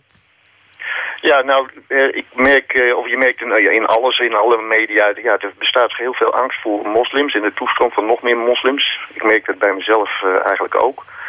En ja, ik probeer daar iets ook tegenover te zetten. Een ander geluid. En dat, dat geluid, dat is eigenlijk van eh, scheer niet alles over één kam? Ja. En ook het idee van wat eens bestaan heeft, kan nog een keer bestaan. En ehm eh, ja, ik bewonder dat soort eh, moreel leiderschap erg. En dat zie ik eh, eigenlijk eh, niet erg veel op dit moment. Mensen die proberen de boel van binnenuit te veranderen, bedoel je? Ja, en die ook streven naar, naar de boel bij elkaar eh, brengen in plaats van af te splitsen. Ja, misschien is het een periode dat alle verschillen benadrukt worden en, en iedereen elkaar bestrijdt. Tot het moment dat, dat iedereen is uitgeput en weer moet gaan zoeken naar de overeenkomsten die toch overwegend groot zijn. Ja, inderdaad. Ja, dat hoop ik natuurlijk ook, ja. ja. Ja, maar dat, dat lijkt nog niet aangebroken, dat moment, zeg ik, eh, Nee, zeker niet. Nee, nee. zeg ik met een verzuchting. Ja. Dank voor je, voor je verhaal en eh, voor je optimistische geluid, Anton. En morgen krijgen we weer een verhaal van je. Voor nu een hele goede nacht. Ja, hetzelfde. Bedankt. Goeienacht. Gary Clark Jr. komt uit eh, Texas, is zanger, gitarist en hij eh, combineert zonder enige moeite de funk, de soul, de rock en de blues. Hier is hij met Hold On.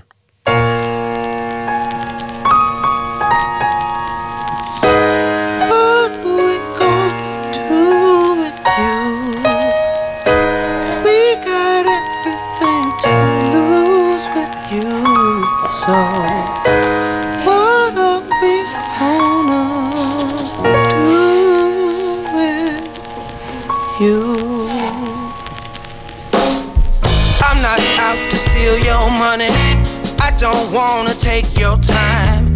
I do deserve a little respect, so I'm gonna get what is mine. Cause, yeah, seem like old news. The whole world gone crazy. What am I gonna do? What I'm gonna tell my babies when they don't understand? My pressure, my struggle, my demands. Yeah, ah. Back then, I didn't understand when my pops came home saying that he couldn't take it. But it's hard to be a good man knowing that a man's plan is to take what you make and hold on, we're gonna make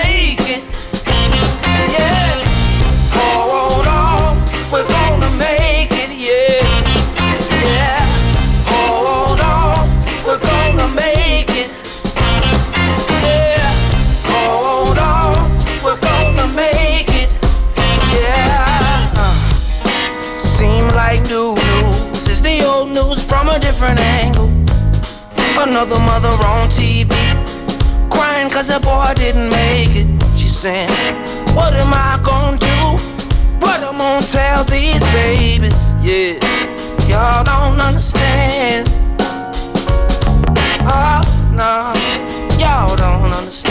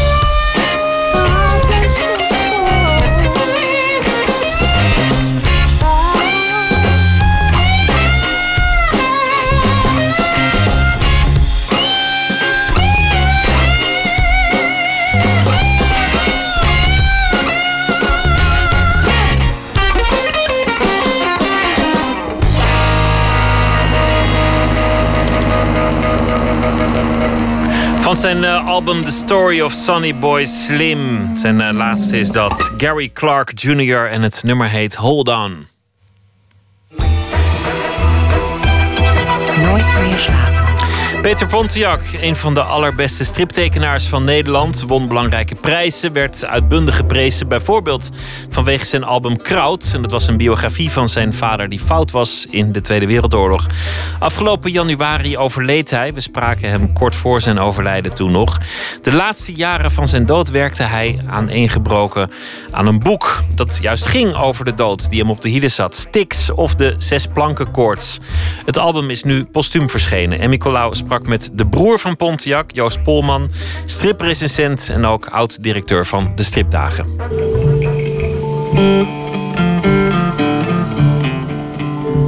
Peter vertelde mij dat hij een boek ging maken over de dood. En ik zit altijd vol met bezweringen, dus ik zei automatisch: ben je dan niet bang dat je daarmee de dood op de hals haalt? Dit gesprekje voerde Joost Polman met zijn broer toen hij tien jaar geleden vertelde dat hij een boek over de dood ging maken. Peter Polman, beter bekend als Peter Pontiac, wist toen nog niet dat hij een ziekte onder de leden had. Het gesprek kreeg een plek in Styx of de Zes Plankenkoorts, zijn laatste en onvoltooid gebleven graphic novel, die deze week verschijnt. En hij heeft dus uh, mij getekend terwijl ik tegenover hem aan tafel zit met een glas wijn en met een veel te bruin gezicht. En uh, hij antwoordt op mijn vragen, ben je niet bang? Hè? Zegt hij, ah wel nee, maar achter hem staat de dood met een zeis. En uh, hij kijkt dus eigenlijk heel verschrikt om. Dus uh, hij was er toch wel degelijk uh, wel bang voor eigenlijk. En dacht je dat toen op dat moment ook al? Van ja, hij zegt wel dit, maar stiekem. Nou ja, zo'n vreselijke held was hij niet. maar het is wel zo, Peter was wel op, op zijn sterkste als voor vrienden heel ziek waren ook zelfs als ze op een sterbed lagen, was hij altijd heel erg uh, uh, bij betrokken. En niet bang. Hè. Hij vond veel dingen eng in het leven, maar daar was hij niet bang voor. Dus eigenlijk, in zoverre was zijn relatie tot de dood altijd wel heel erg... Ja, heel intiem bijna geweest. Toen zijn uitgever hem tien jaar geleden vroeg waar zijn nieuwe meesterwerk over zou gaan, antwoordde Pontiac over de dood. Maar het onderwerp bleef liggen. Het kwam er gewoon niet van. Tot Pontiac de diagnose hepatitis C, tussen haakjes ongeneeslijk ziek, kreeg. En het onderwerp zich, om het zachtjes uit te drukken, nogal aan hem opdrong. Niemand weet of hij er morgen nog is, maar in mijn geval is, is het net wat uh, acuter. En ik wil het heel graag af hebben. Ik, ik, ik heb ongeveer 80 bladzijden nu, maar ik wil eigenlijk wel. Ik heb wel dubbele nodig eigenlijk. Dit zei Peter Pontiac een maand voor zijn dood, toen ik hem sprak over de totstandkoming van Styx of de Zes Plankenkoorts. Tussen zes planken terechtkomen, dat is uh, dood zijn. En plankenkoorts is dat je zenuwachtig bent, dat je, uh, dat je op moet. De nervositeit die je voelt als je weet dat je, dat je voor de laatste keer, uh, dat je echt, dat, dan, dan, dan wil je het goed doen. Ja, extra goed nog. Ja, ja, natuurlijk. Ja. Het is de laatste kans die je hebt.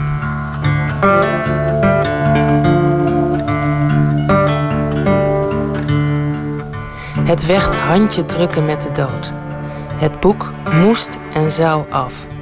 Als het ook maar even goed ging met Peter Pontiac, tussen behandelingen en slechte periodes door, werkte hij aan het boek. Zijn overlijden was eigenlijk toch wel heel erg onverwacht binnen de context van de hele ziekte. Dus eh, wij dachten van, nou, die gaat, zolang hij energie heeft, blijft hij wel tekenen. En dan in ieder geval alle, alle actuele ontwikkelingen op medisch vlak... die kan hij gewoon uh, blijven tekenen en beeld blijven brengen. Lijkt me voor jou ook raar om dan uh, op enig moment in je verdriet te besluiten... van nou ik ga dat materiaal bekijken en kijken hoe ver ik kan komen. Um, nou, het raarste was eigenlijk, tenminste waar ik nu meteen aan denk... is dat hij, uh, toen hij overleed, had hij ontzettend veel publiciteit een beetje raar veel. Weet je wel, vier bladzijden Volkskrant, vier NRC, et cetera. Dus iedereen die, want hij was op, opgebaard bij hem thuis. Iedereen die daar kwam om afscheid van hem te nemen... die had natuurlijk uh, kranten vol artikelen mee met allemaal tekeningen. Het was een enorme soort nationale tribute aan hem. Ja, en het maken van het boek ging eigenlijk in één moeite door. ik heb allemaal oude brieven van hem aan mij weer uh, gelezen en uh, van hem bekeken over het boek. Van ik moest natuurlijk een tekst schrijven in het boek zelf, dus ik moest er nog wel wat in verdiepen. eh, we zijn eigenlijk tot nu toe eigenlijk eh, ermee bezig, dit hele jaar. Pontiac verloor van de dood. Of won. Het is maar net hoe je het bekijkt. Want Styx of de Zes Plankenkoorts rolde deze week van de drukpersen. Nou, dat het eh, gepubliceerd zou kunnen worden, ook onvoltooid, dat was wel duidelijk. Gewoon omdat de kwaliteit eh, van het werk is hoog. En ehm, hij had toch al, al vrij veel af, hè, zo'n iets van 80 bladzijden. Dus er was al veel materiaal, ook schetsen, aantekeningen. Natuurlijk, de vorm die het boek zou krijgen was toen nog niet bekend. Die is pas daarna uitbedacht. En, eh, ehm, maar ja, het is, blijft allemaal het is een heel onvoorspel- onvoorspelbare eh, aangelegenheid. Als er iemand is die de stijl van Pontiac kan omschrijven, dan is het Polman wel. Behalve zijn broer ook striprecensent en organisator van stripfestivals. Peter Pontiac Polman is de, eigenlijk in Nederland de belangrijkste vertegenwoordiger van de underground. Hè, We begonnen met dat werk in begin jaren 70. Er zit veel seks, drugs en rock'n'roll in. Hij heeft ook daar verschillende boeken aan gewijd. Het is vaak heel zwart. Eh, het is eh, zwaarmoedig en eh, soms zwartgallig, maar ook altijd grappig. Het tekent in een realistische stijl met heel veel eh, details. Dus eh, hij wilde ook graag dat je echt de tijd nam om onze tekeningen te bekijken. En alle grapjes, de beeldgrapjes die erin verstopt zijn, om die ook eh, te ontdekken. Hij leed wel behoorlijk aan horror vacui. Elk, eh, elk vlakje moest vol. Dus het was allemaal heel intens. Eh, hij was zelf als mens heel intens, zoals hij het leven beleefde. En zo ziet het werk er ook uit. Het is propvol met emotie en, en eh, betekenis. Pontiac wilde de dood verslaan, of op zijn minst omarmen. Maar desondanks is de doodsangst voelbaar. Aan zijn dochter Godelinde Polman schrijft Pontiac... De zwaarte van het project doet me soms naar adem happen. Kijk, hij wilde graag ehm, een verlicht standpunt innemen over de dood. Dat zie je ook aan zijn aantekeningen. Heel veel eh, gedachten eraan. Hoe je je moet eh, verhouden, hoe je de dood moet zien. Hij wilde er graag op een niet banale manier mee omgaan. Maar ja, het is ook wel, het is wel je eigen dood, weet je. Dat is natuurlijk heel heftig. En hij wilde graag eh, dat st- stoïcijns ondergaan. Daar is hij ook wel eh, eh, ver in gekomen, vind ik. Ik, vond ze, ik, was, ik heb echt bewonderd hoe hij ermee omging. Maar ja, het blijft natuurlijk wel een, een, een vrij angstaanjagend eh, vooruitzicht. En wat wel interessant is, dat zie je ook in zijn aantekeningboekjes... dat hij woonde aan een kruispunt in Amsterdam. En hij ontdekte op de dag van de diagnose... dat er een plastic skeletje aan de, de elektriciteitskabels van de tram hing. Eh, midden in zijn uitzicht naar buiten. Dus al die tijd dat hij probeerde die, eh, die diagnose te verwerken... en zijn terminale status... hing dat eh, skeletje te bungelen in de wind. Het heeft ook een grote rol gekregen in het boek. Als soort het symbool van, ook van ja, hoe, hoe, hoe tekenen uit de buitenwereld...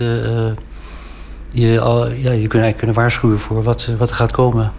Ja, en dan ook nog een skeletje. Iets wat hij altijd al tekende en verzamelde. En schedels. En dat is echt een bizar toeval. Ja. Wel mooi hoor, want ja, hij was erg van de synchroniciteit. Hè? Dus eh, betekenis toeval. Dat je goed om je heen kijkt eh, wat er allemaal gebeurt. En wat, dat voor, eh, wat het zou kunnen zeggen over jouw eigen leven. Dus dan, dan was dat skeletje daar in die lucht. Bungelend in de wind. was toch, toch eigenlijk wel ook een heel mooi, eh, mooi teken. Aangrijpend is Styx door de rukzichtloze eerlijkheid. Zoals in de passages waarin Pontiac tekent en beschrijft hoe hij hepatitis C opgelopen heeft. In een mail opgenomen in het boek schrijft Pontiac hierover aan zijn vriend Vake Boy. Zit vreselijk te worstelen met die pagina's over mijn spuiterij. Al drie keer opnieuw begonnen en nog ben ik niet echt content. In december vorig jaar zei Pontiac over die periode. Zeker spijt van. Ja, ik heb in de prime van mijn leven heb ik, eh, heb ik daar een, een beetje de junk lopen uithangen. Waar ik verschrikkelijke spijt van heb. Eh, Dat vind ik zo eh, achteraf. Denk, Jezus, wat stom. Ja, waarom? Eh, nou, alsof je. eh, Alsof je tijd eh, genoeg hebt. Ja, dat is ook een, een misverstand. Wat, wat, wat natuurlijk heel algemeen is bij jonge mensen. En dat is ook logisch. Dat moet ook. Eh, en dat je zo in het leven staat. Maar. eh, ik, heb, ik heb vooral. Eh, lopen suffen. En als ik niet eh, eh, op, op heroïne en zo. En, en tussendoor zat ik alleen maar in, in smoezelige huizen en smoezelige kamertjes met smoezelige mensen, smoezelige dingen te doen. Als ik daar aan terugdenk, weet je wel, die hele eerste helft is, is, is smoezeligheid. En dat voelt heel vies. Daarom is dit ook zo, zo raar om dit mee te maken. Want Dat lag al bijna 30 jaar achter mij. Ben jij eigenlijk niet eh, ontzettend kwaad ook geweest? Nee, kijk, veel vrienden van Peter zijn ook al, eigenlijk al vroeg overleden. En een van mijn eigen beste vrienden, die ook in het boek in Stix voorkomt, Rutger, die is aan dezelfde ziekte overleden op zijn veertigste al. Ook door eh, het aanraken van eh, vervuilde spuiten. Dus ja, in zekere zin was ik al wel gewend aan het... ik kende het milieu, zeg maar, natuurlijk al veel langer. Dus dan eh, kwaad worden. Kijk, als je er opeens door wordt overvallen door het verschijnsel, dan misschien. Maar ja, Nee. dat is geen niets voor mij, niets nieuws. Nee. Het is ook vrij, natuurlijk, ja, op zich vrij zinloos. eh, je kunt het niet, eh, je kunt het niet ongedaan maken. En bovendien hij heeft ook wel, natuurlijk wel heel veel inspiratie uitgeput. Hè? Door een groot deel van zijn oeuvre, in ieder geval het eerste deel, is heel erg, ja, het heel erg door, door drugs beïnvloed. Het- Of het gaat over drugs, het heeft heel erg die sfeer. Dus artistiek gezien heeft hij er ook wel veel aan gehad. En eh, het was natuurlijk absoluut niet de bedoeling dat hij daar eh, voortijdig aan zou eh, bezwijken. Dus ik kan me die spijt wel, wel voorstellen. Maar in ieder geval, zodra hij hoorde dat hij vader ging worden, is hij ermee gestopt. En is altijd clean gebleven. Dus In mei 2014 schrijft Pontiac aan zijn broer Paul... Nu ik de 60 gepasseerd ben, kies ik steeds meer voor mezelf. Doe veel meer wat ik echt wil. Helemaal alleen, in alle rust werken. I love it. En wat ook helpt, is dat mijn zelfacceptatie is gegroeid. Een verademing na al die jaren van zelfhaat. die ziekte heeft, wel, heeft hem wel veranderd. Hij, hij schrijft ook in een boek dat hij zich eigenlijk heel eh, puik voelt. Weet je wel? Heel paradoxaal. Maar hij voelde zich wel eigenlijk heel goed. Hij was helemaal in zijn element. En hij werd ook eh, wel eh, zachter. Zowel voor zijn omgeving als, als voor zichzelf. Hij, ja, hij kon eigenlijk eindelijk van zichzelf houden. En, eh, dus hij is wel met zichzelf in het reinen gekomen. Door de ziekte Het album van Peter Pontiac, Stix of de Zes Planken Koorts, is eh, vanaf heden verkrijgbaar. En Nicolaus sprak met eh, Joost Polman, zijn broer, tevens striprecensent. En het gesprek dat ze eerder voerden met Pontiac voor zijn overlijden is eh, terug te luisteren via de site vpro.nl. Schuine streep, nooit meer slapen. Chantal Akda, een Nederlandse zangeres, maar is al een tijdje verhuisd naar eh, België. Zit daar ook bij een groep, de Isbels. Ze heeft een eh, tweede plaat uitgebracht, waarvan we gaan luisteren naar een liedje met de titel Up and Down.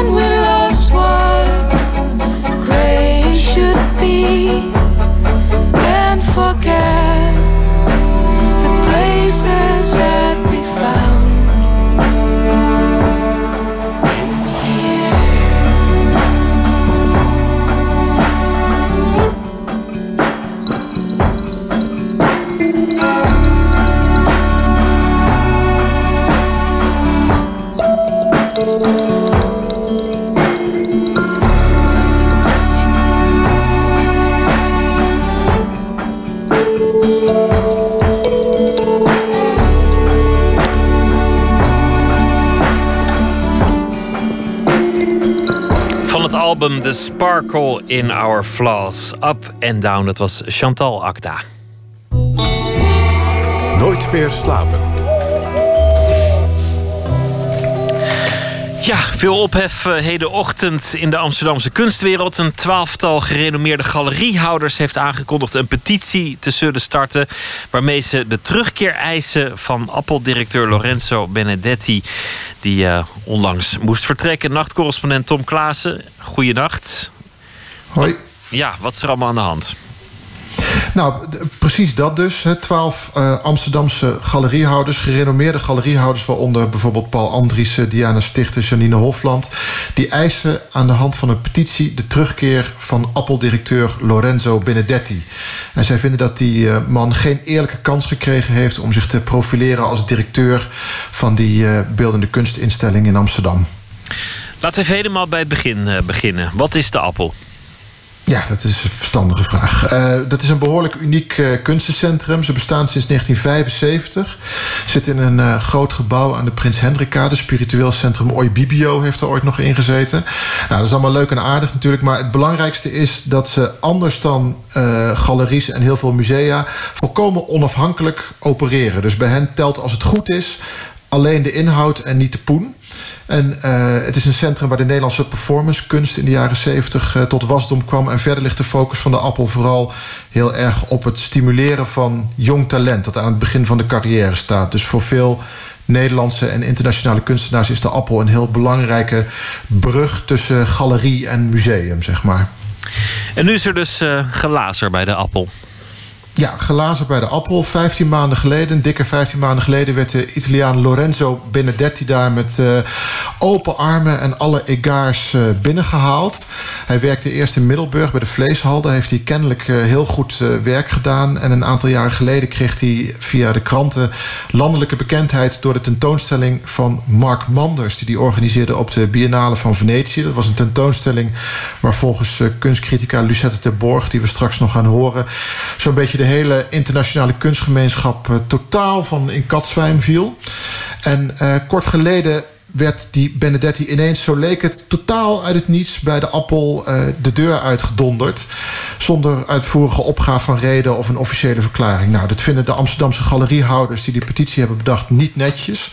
Ik sprak vanmiddag even met David van Doesburg, dat is een van de initiatiefnemers. Nou ja, god, als ze er echt zo mee zitten, ja, dan kan het natuurlijk met een, ik zeg niet, ik ga geen mensen ideeën aanpraten, maar dan zou het natuurlijk met een stille trom kunnen gaan. En de directeur en eh, de kans geven, in ieder geval nog een wat langere kans geven om, om zijn ding te doen en dan misschien met een stille trom een, eh, een, andere, ja, een andere aanstelling laten nemen bij een ander instituut of iets dergelijks. Maar gewoon zo plotsklaps iemand op non-actief te zetten alsof hij de hele kas heeft leeggegrist, waar ik niet van uitga.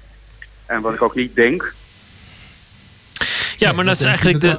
Ja, dat is eigenlijk de vraag: heeft hij, heeft hij een kans gehad om zich, om zich te bewijzen? Want het- de appel zegt juist. Hier telt niet de poen, hier kunnen nieuwe dingen ontstaan. Dan moet je iemand ook een beetje ruimte en tijd gunnen om dat te laten gebeuren.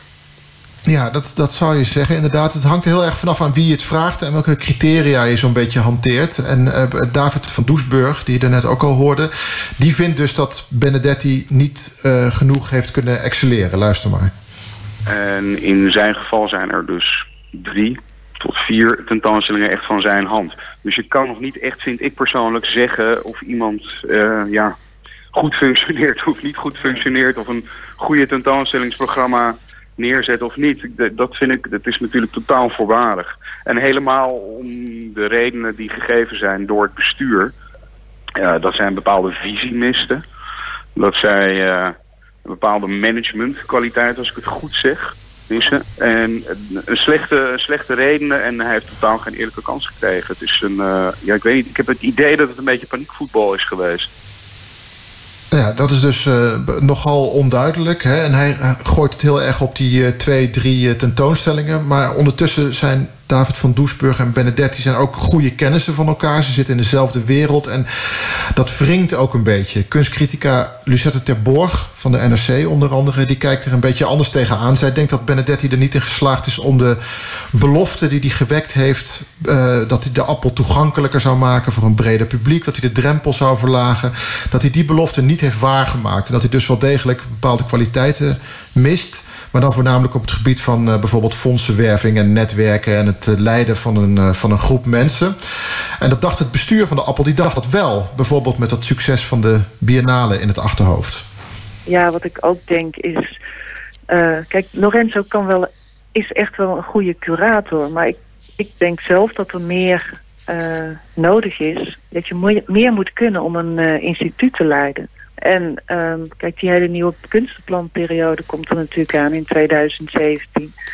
Ja, je verwacht toch wel van een directeur, dat verwacht ik ook... dat hij ehm, erin slaagt om van de appel en naar de, de stad ook geopend instituut te maken. En dat, dat is zeker niet wat, eh, waarvan, wat ik het idee heb dat nu gebeurt bij de appel. En als je dan ziet bij de appel, ja, ik ben het afgelopen jaar een paar keer geweest. En ja, ik liep daar natuurlijk altijd in mijn eentje rond. Maar dat is wat heel veel mensen zeggen. Dat is geen geheim.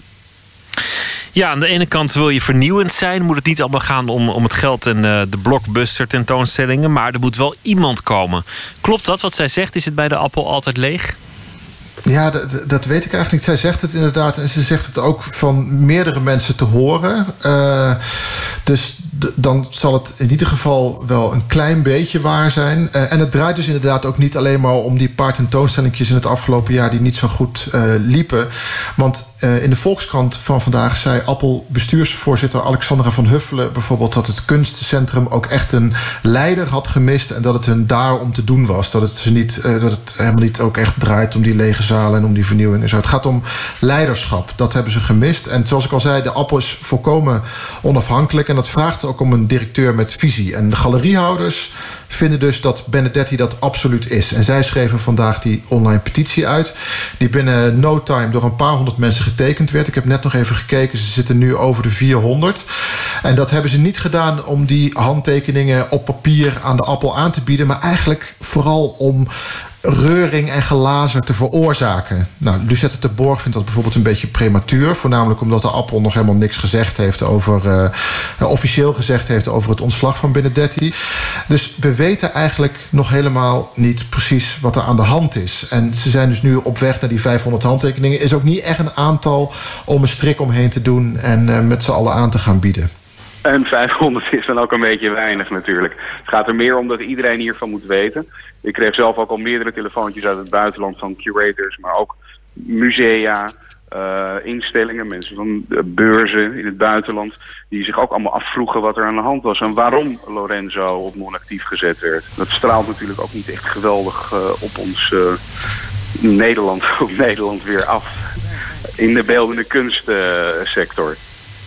Ja, zie, en dat is het dus ook. Daar zit hem de kneep. Het is ook een imago-kwestie voor de buitenwacht. En Lucette de Borg, de kunstcritica, die ziet het nut van die petitie helemaal niet. Ik weet het niet. Ik vind, ik vind die petitie eerlijk gezegd een beetje prematuur. Want ehm, kijk, Lorenzo heeft zelf nog helemaal niet gereageerd op deze zaak. Het is natuurlijk heel netjes en heel chic. Tegelijkertijd voedt dat ook al dit soort eh, ideeën van hij heeft geen eerlijke kans gekregen. Eh, ik heb eerlijk gezegd geen idee wat er echt aan de hand is. Het is inderdaad vroeg om een, eh, een, artistiek leider al na een jaar of ah, na zeg maar dik anderhalf jaar te ontslaan. Of te zeggen we gaan niet verder. Nee, ik denk wat eh, die eh, Alexandra van Huffelen heeft gezegd in de Volkskrant was het volgens mij dat, ja, dat ze toch had verwacht dat hij een, ja, breder publiek wist aan te spreken. Nou ja, bedoel, dan kan je ook zeggen, heb je misschien een beetje de verkeerde persoon uitgekozen. Maar ehm, ja, er zal vast nog veel meer spelen. Ik, ik, ik vind zo'n eh, petitie, vind ik eerlijk gezegd een beetje... Ja, het klinkt heel stoer en het klinkt eh, heel erg... eh, zo van, kijk, ons eens even hoog van de toren blazen. Maar ik, ik, ja, ik vind het prematuur. Prematuur, kortom, maar, maar wat er onder de oppervlakte lijkt te spelen... is toch een discussie over wat een kunstencentrum moet zijn. Mag iemand nog onafhankelijk zijn van eh, opbrengsten, bezoekersaantallen... of moeten er een soort eh, vrijplaatsen zijn waar meer mogelijk is? Voor dit moment eh, dank je wel, Tom Klaassen. Goeienacht. Graag gedaan. Dag. Ze komen uit de Catskill Mountains, upstate New York. En dat grootste landschap vertaalt zich ook in de zwaar georchestreerde en soms wat bombastische muziek. Ook op het nieuwe album Mercury Rev is, het, eh, is de band waar ik het over heb. En eh, dit nummer is voor dat album weer wat subtieler: Moth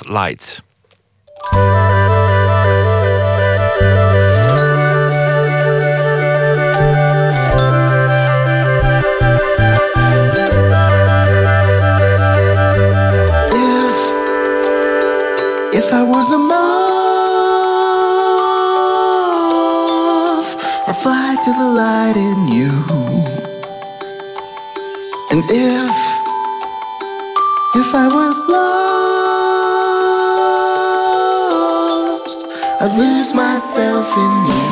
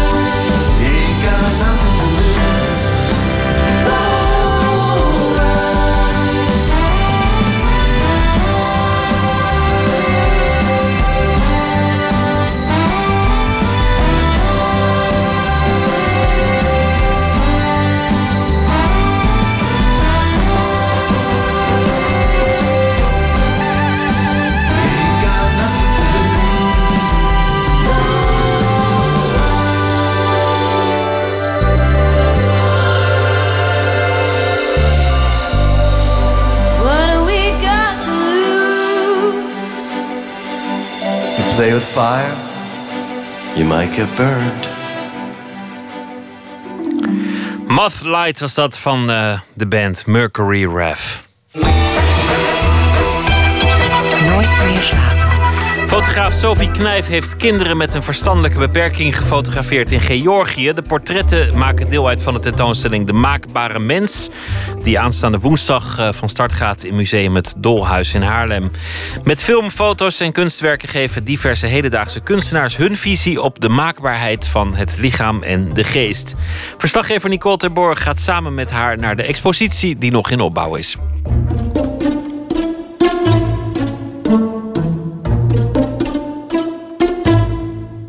Ja, ik kwam binnen eigenlijk een hele donkere gang. Echt zo'n Sovjetgebouw. Zo heel, heel donker. Het was eigenlijk nog heel stil. We hadden alleen de directrice ontmoet. En de kinderen zaten in klas. Dus het was eigenlijk heel stil in de gang. En ik had mijn... eh, nou ja, mijn, mijn, ik- er was weinig licht, dus ik moest met een eh, statief werken. Ik had alles opgezet. En toen stormden ze ineens allemaal naar buiten. Dus toen was het een grote eh, gekte. En ook meteen helemaal overweldigd dat er aandacht was en dat ze op de, foto mochten. En het was. We zijn heel druk bezig geweest om ze één voor één eh, aan de beurt te laten komen. In de binnenstad van eh, Haarlem, eh, voor het Dolhuis, wordt al flink getimmerd en gezaagd. Ze zijn een soort bord aan het maken met hoofden waar, je denk, waar ik denk als je langs komt je hoofd door kan steken en waarschijnlijk weer een foto kan maken. Ja, van of- eh, een soort perfecte mensen met eh, mooie lichamen. Ja, Dus, want we eh, zien ontblote lichamen, mannenlichaam, middels een spierbundel, een bikini. eigenlijk van alles. Nou, we gaan naar binnen. Dan gaan we even kijken of jouw werk, werk er al hangt. Want de Ja. expositie is in opbouw. Is het al, hangt het er al, denk je? Ik heb geen idee. Het zou moeten hangen. Dus ik ben wel heel benieuwd. Ja, heel spannend. Ja. Waarom vind je het spannend? Nou, omdat ik het nog niet heb zien hangen. Dus ik weet niet, nog niet waar het naast hangt en, en hoe het hangt. Sophie is niet, zoals ze gewend is bij exposities, betrokken bij het ophangen van haar werk.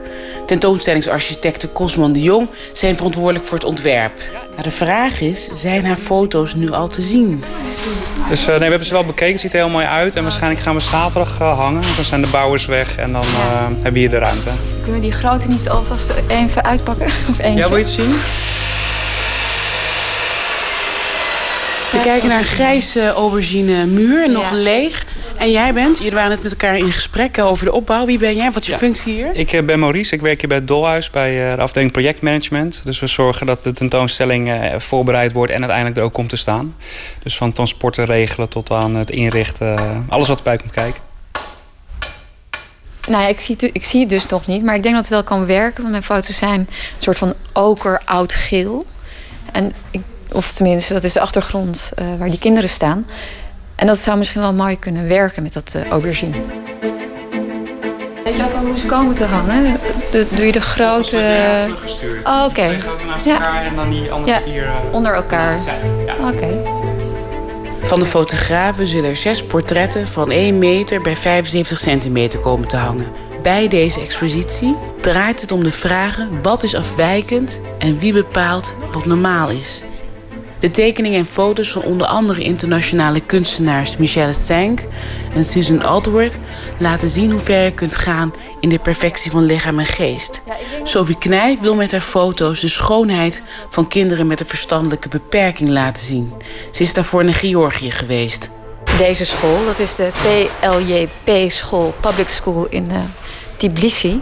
Ja, dat is eigenlijk een school waar ze uitgaan van de kracht van het eh, gehandicapte kind. En dat is nogal zelden in Georgië. En ik kwam binnen in een ruimte met ja, heel gillende kinderen. Het was heel erg druk, het was een en al chaos. Kinderen met allemaal verschillende eh, beperkingen. Dus eh, heel zwaar autistische kinderen naast kinderen met Down.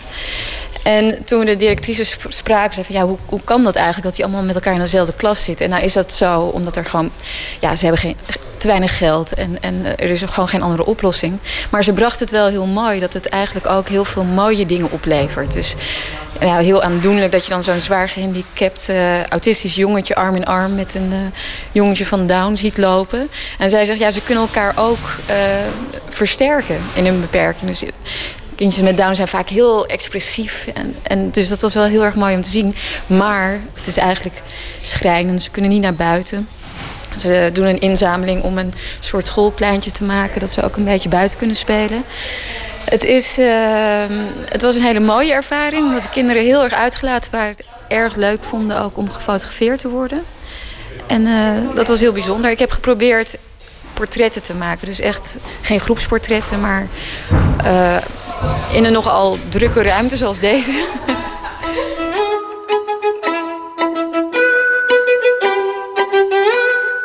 We hadden gelukkig een vertaler, dus iemand eh, die op school werkte die Engels kon. En het was eigenlijk niet te doen. Dus ik stond in een ruimte en ik heb een opstelling gemaakt. En alleen was die ruimte, kwamen net zoals hier eigenlijk, kwamen steeds mensen voorbij. En die kinderen, ja, sommigen waren heel erg druk.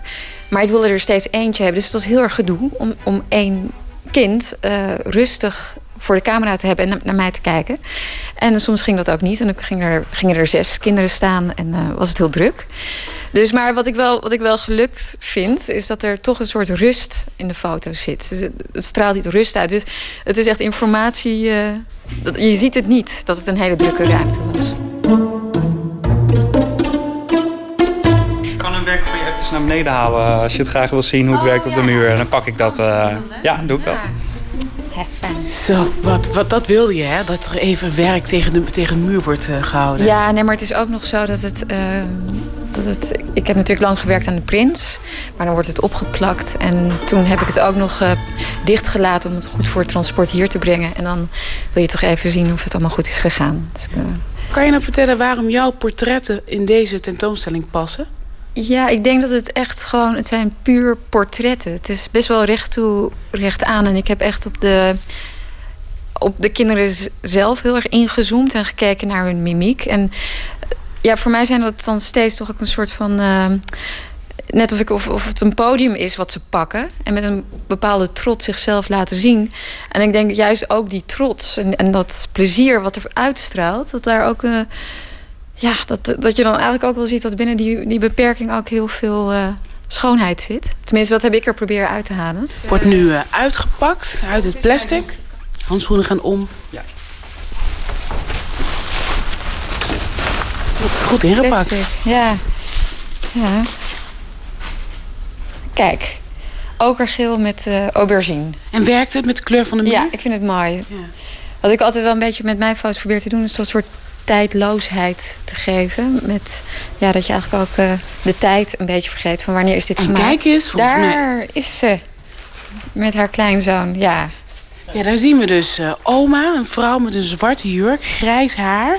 een grote zwarte leren tas om de schouder... Ja. en naast haar de kleinzoon met een spijkerbroek en een blauw-wit polo-shirt. Ja. Hij kijkt een beetje norsig voor, voor, voor zich uit Ja. en een bril. En wat, wat heeft hij? Eh, Ja, hij, hij, hij is zwaar gehandicapt. Er zijn kinderen die wat minder...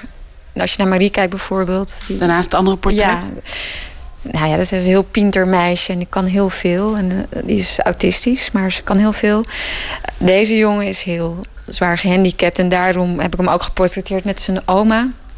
Die, uh, die voor hem zorgt. Je ziet ook aan zijn blik hè, dat hij niet helemaal weet wat er gebeurt eigenlijk. Of, nou, hij heeft, heeft het wel echt naar zijn zin.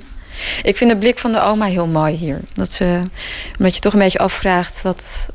Wat gebeurt hier? Ja, ik, ik voel haar zorg, zorgen, zeg maar. Ze heeft een zorgelijke blik. Maar er zit ook een soort trotsheid van dit ben ik met mijn kleinzoon. En dat vind ik heel uh, aandoenlijk. En jij zegt, uh, je hebt vaker over jouw werk gezegd... dat je het niet zichtbare wil laten zien met jouw foto's. Wat is het niet zichtbare wat we hierin terugzien? Ja, nou, hier gaat het echt helemaal over de, de blikken en de, de expressie. Ik, wil, ik wou juist niet heel erg accent leggen op, de handicap... maar echt menselijk contact eigenlijk wat ik leg met, met hun. En um, ja, ik, ik maak ook... Ik heb grote series dat ik bijvoorbeeld dromen van kinderen vastleg. En nou ja, het zijn dan natuurlijk thema's van ja, hoe leg je een droom vast? En hoe portretteer je iemand dan? Dat is een langlopend project van jou waarbij je naar het buitenland bent gegaan. Bijvoorbeeld naar Ja. Mali. En heb je dus kinderen gefotografeerd in de kleding van het beroep... wat zij later zouden willen uitoefenen. Ja, klopt. Ja.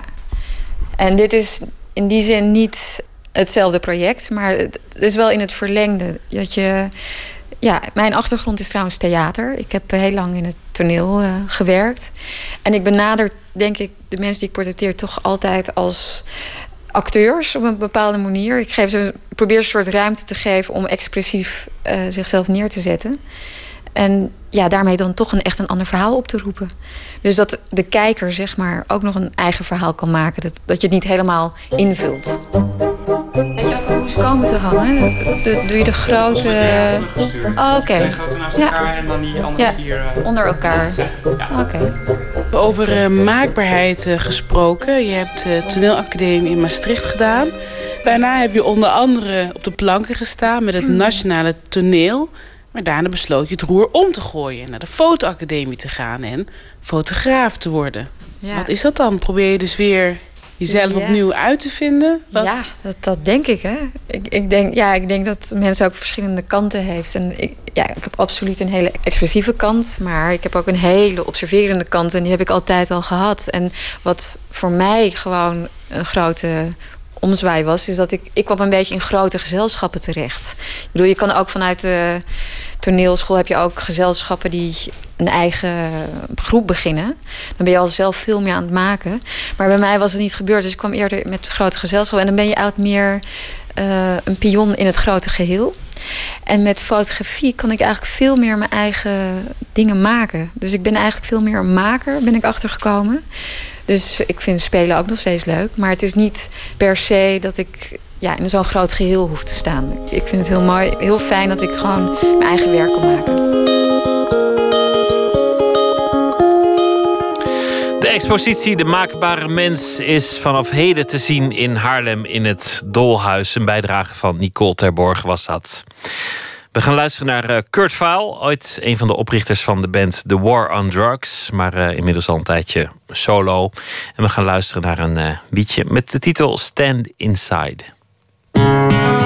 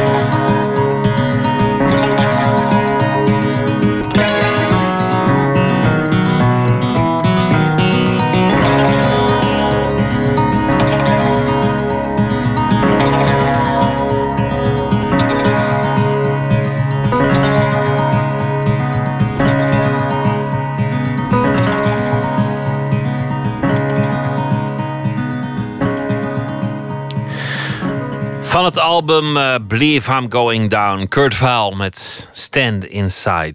Arjen Duinker is dichter. Deze week zal hij elke nacht een eh, gedicht uitkiezen en voordragen. Hij debuteerde in 1988 met de bundel Rode Oever. Kreeg in 2005 de VSB Poëzieprijs voor De Zon en de Wereld. En zijn laatste bundel was uit 2009 met de titel Buurtkinderen. Hij leest een gedicht van K. Schippers. De titel is Bloemengeuren.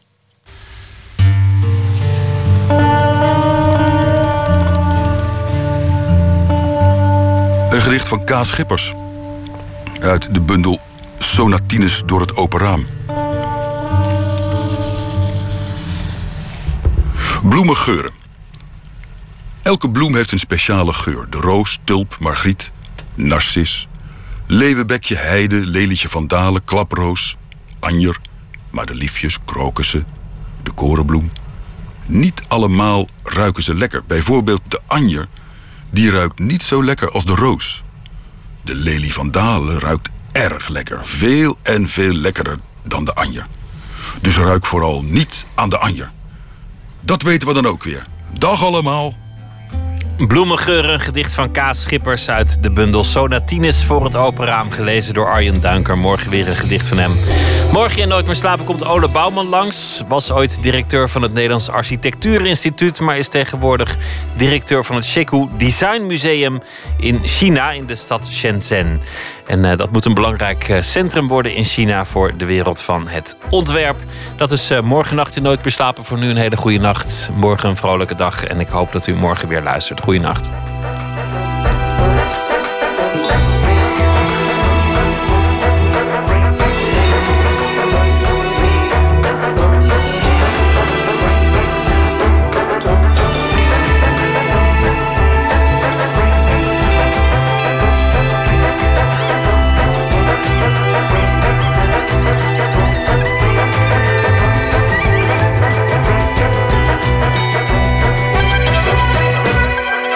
Radio 1, het nieuws van alle kanten.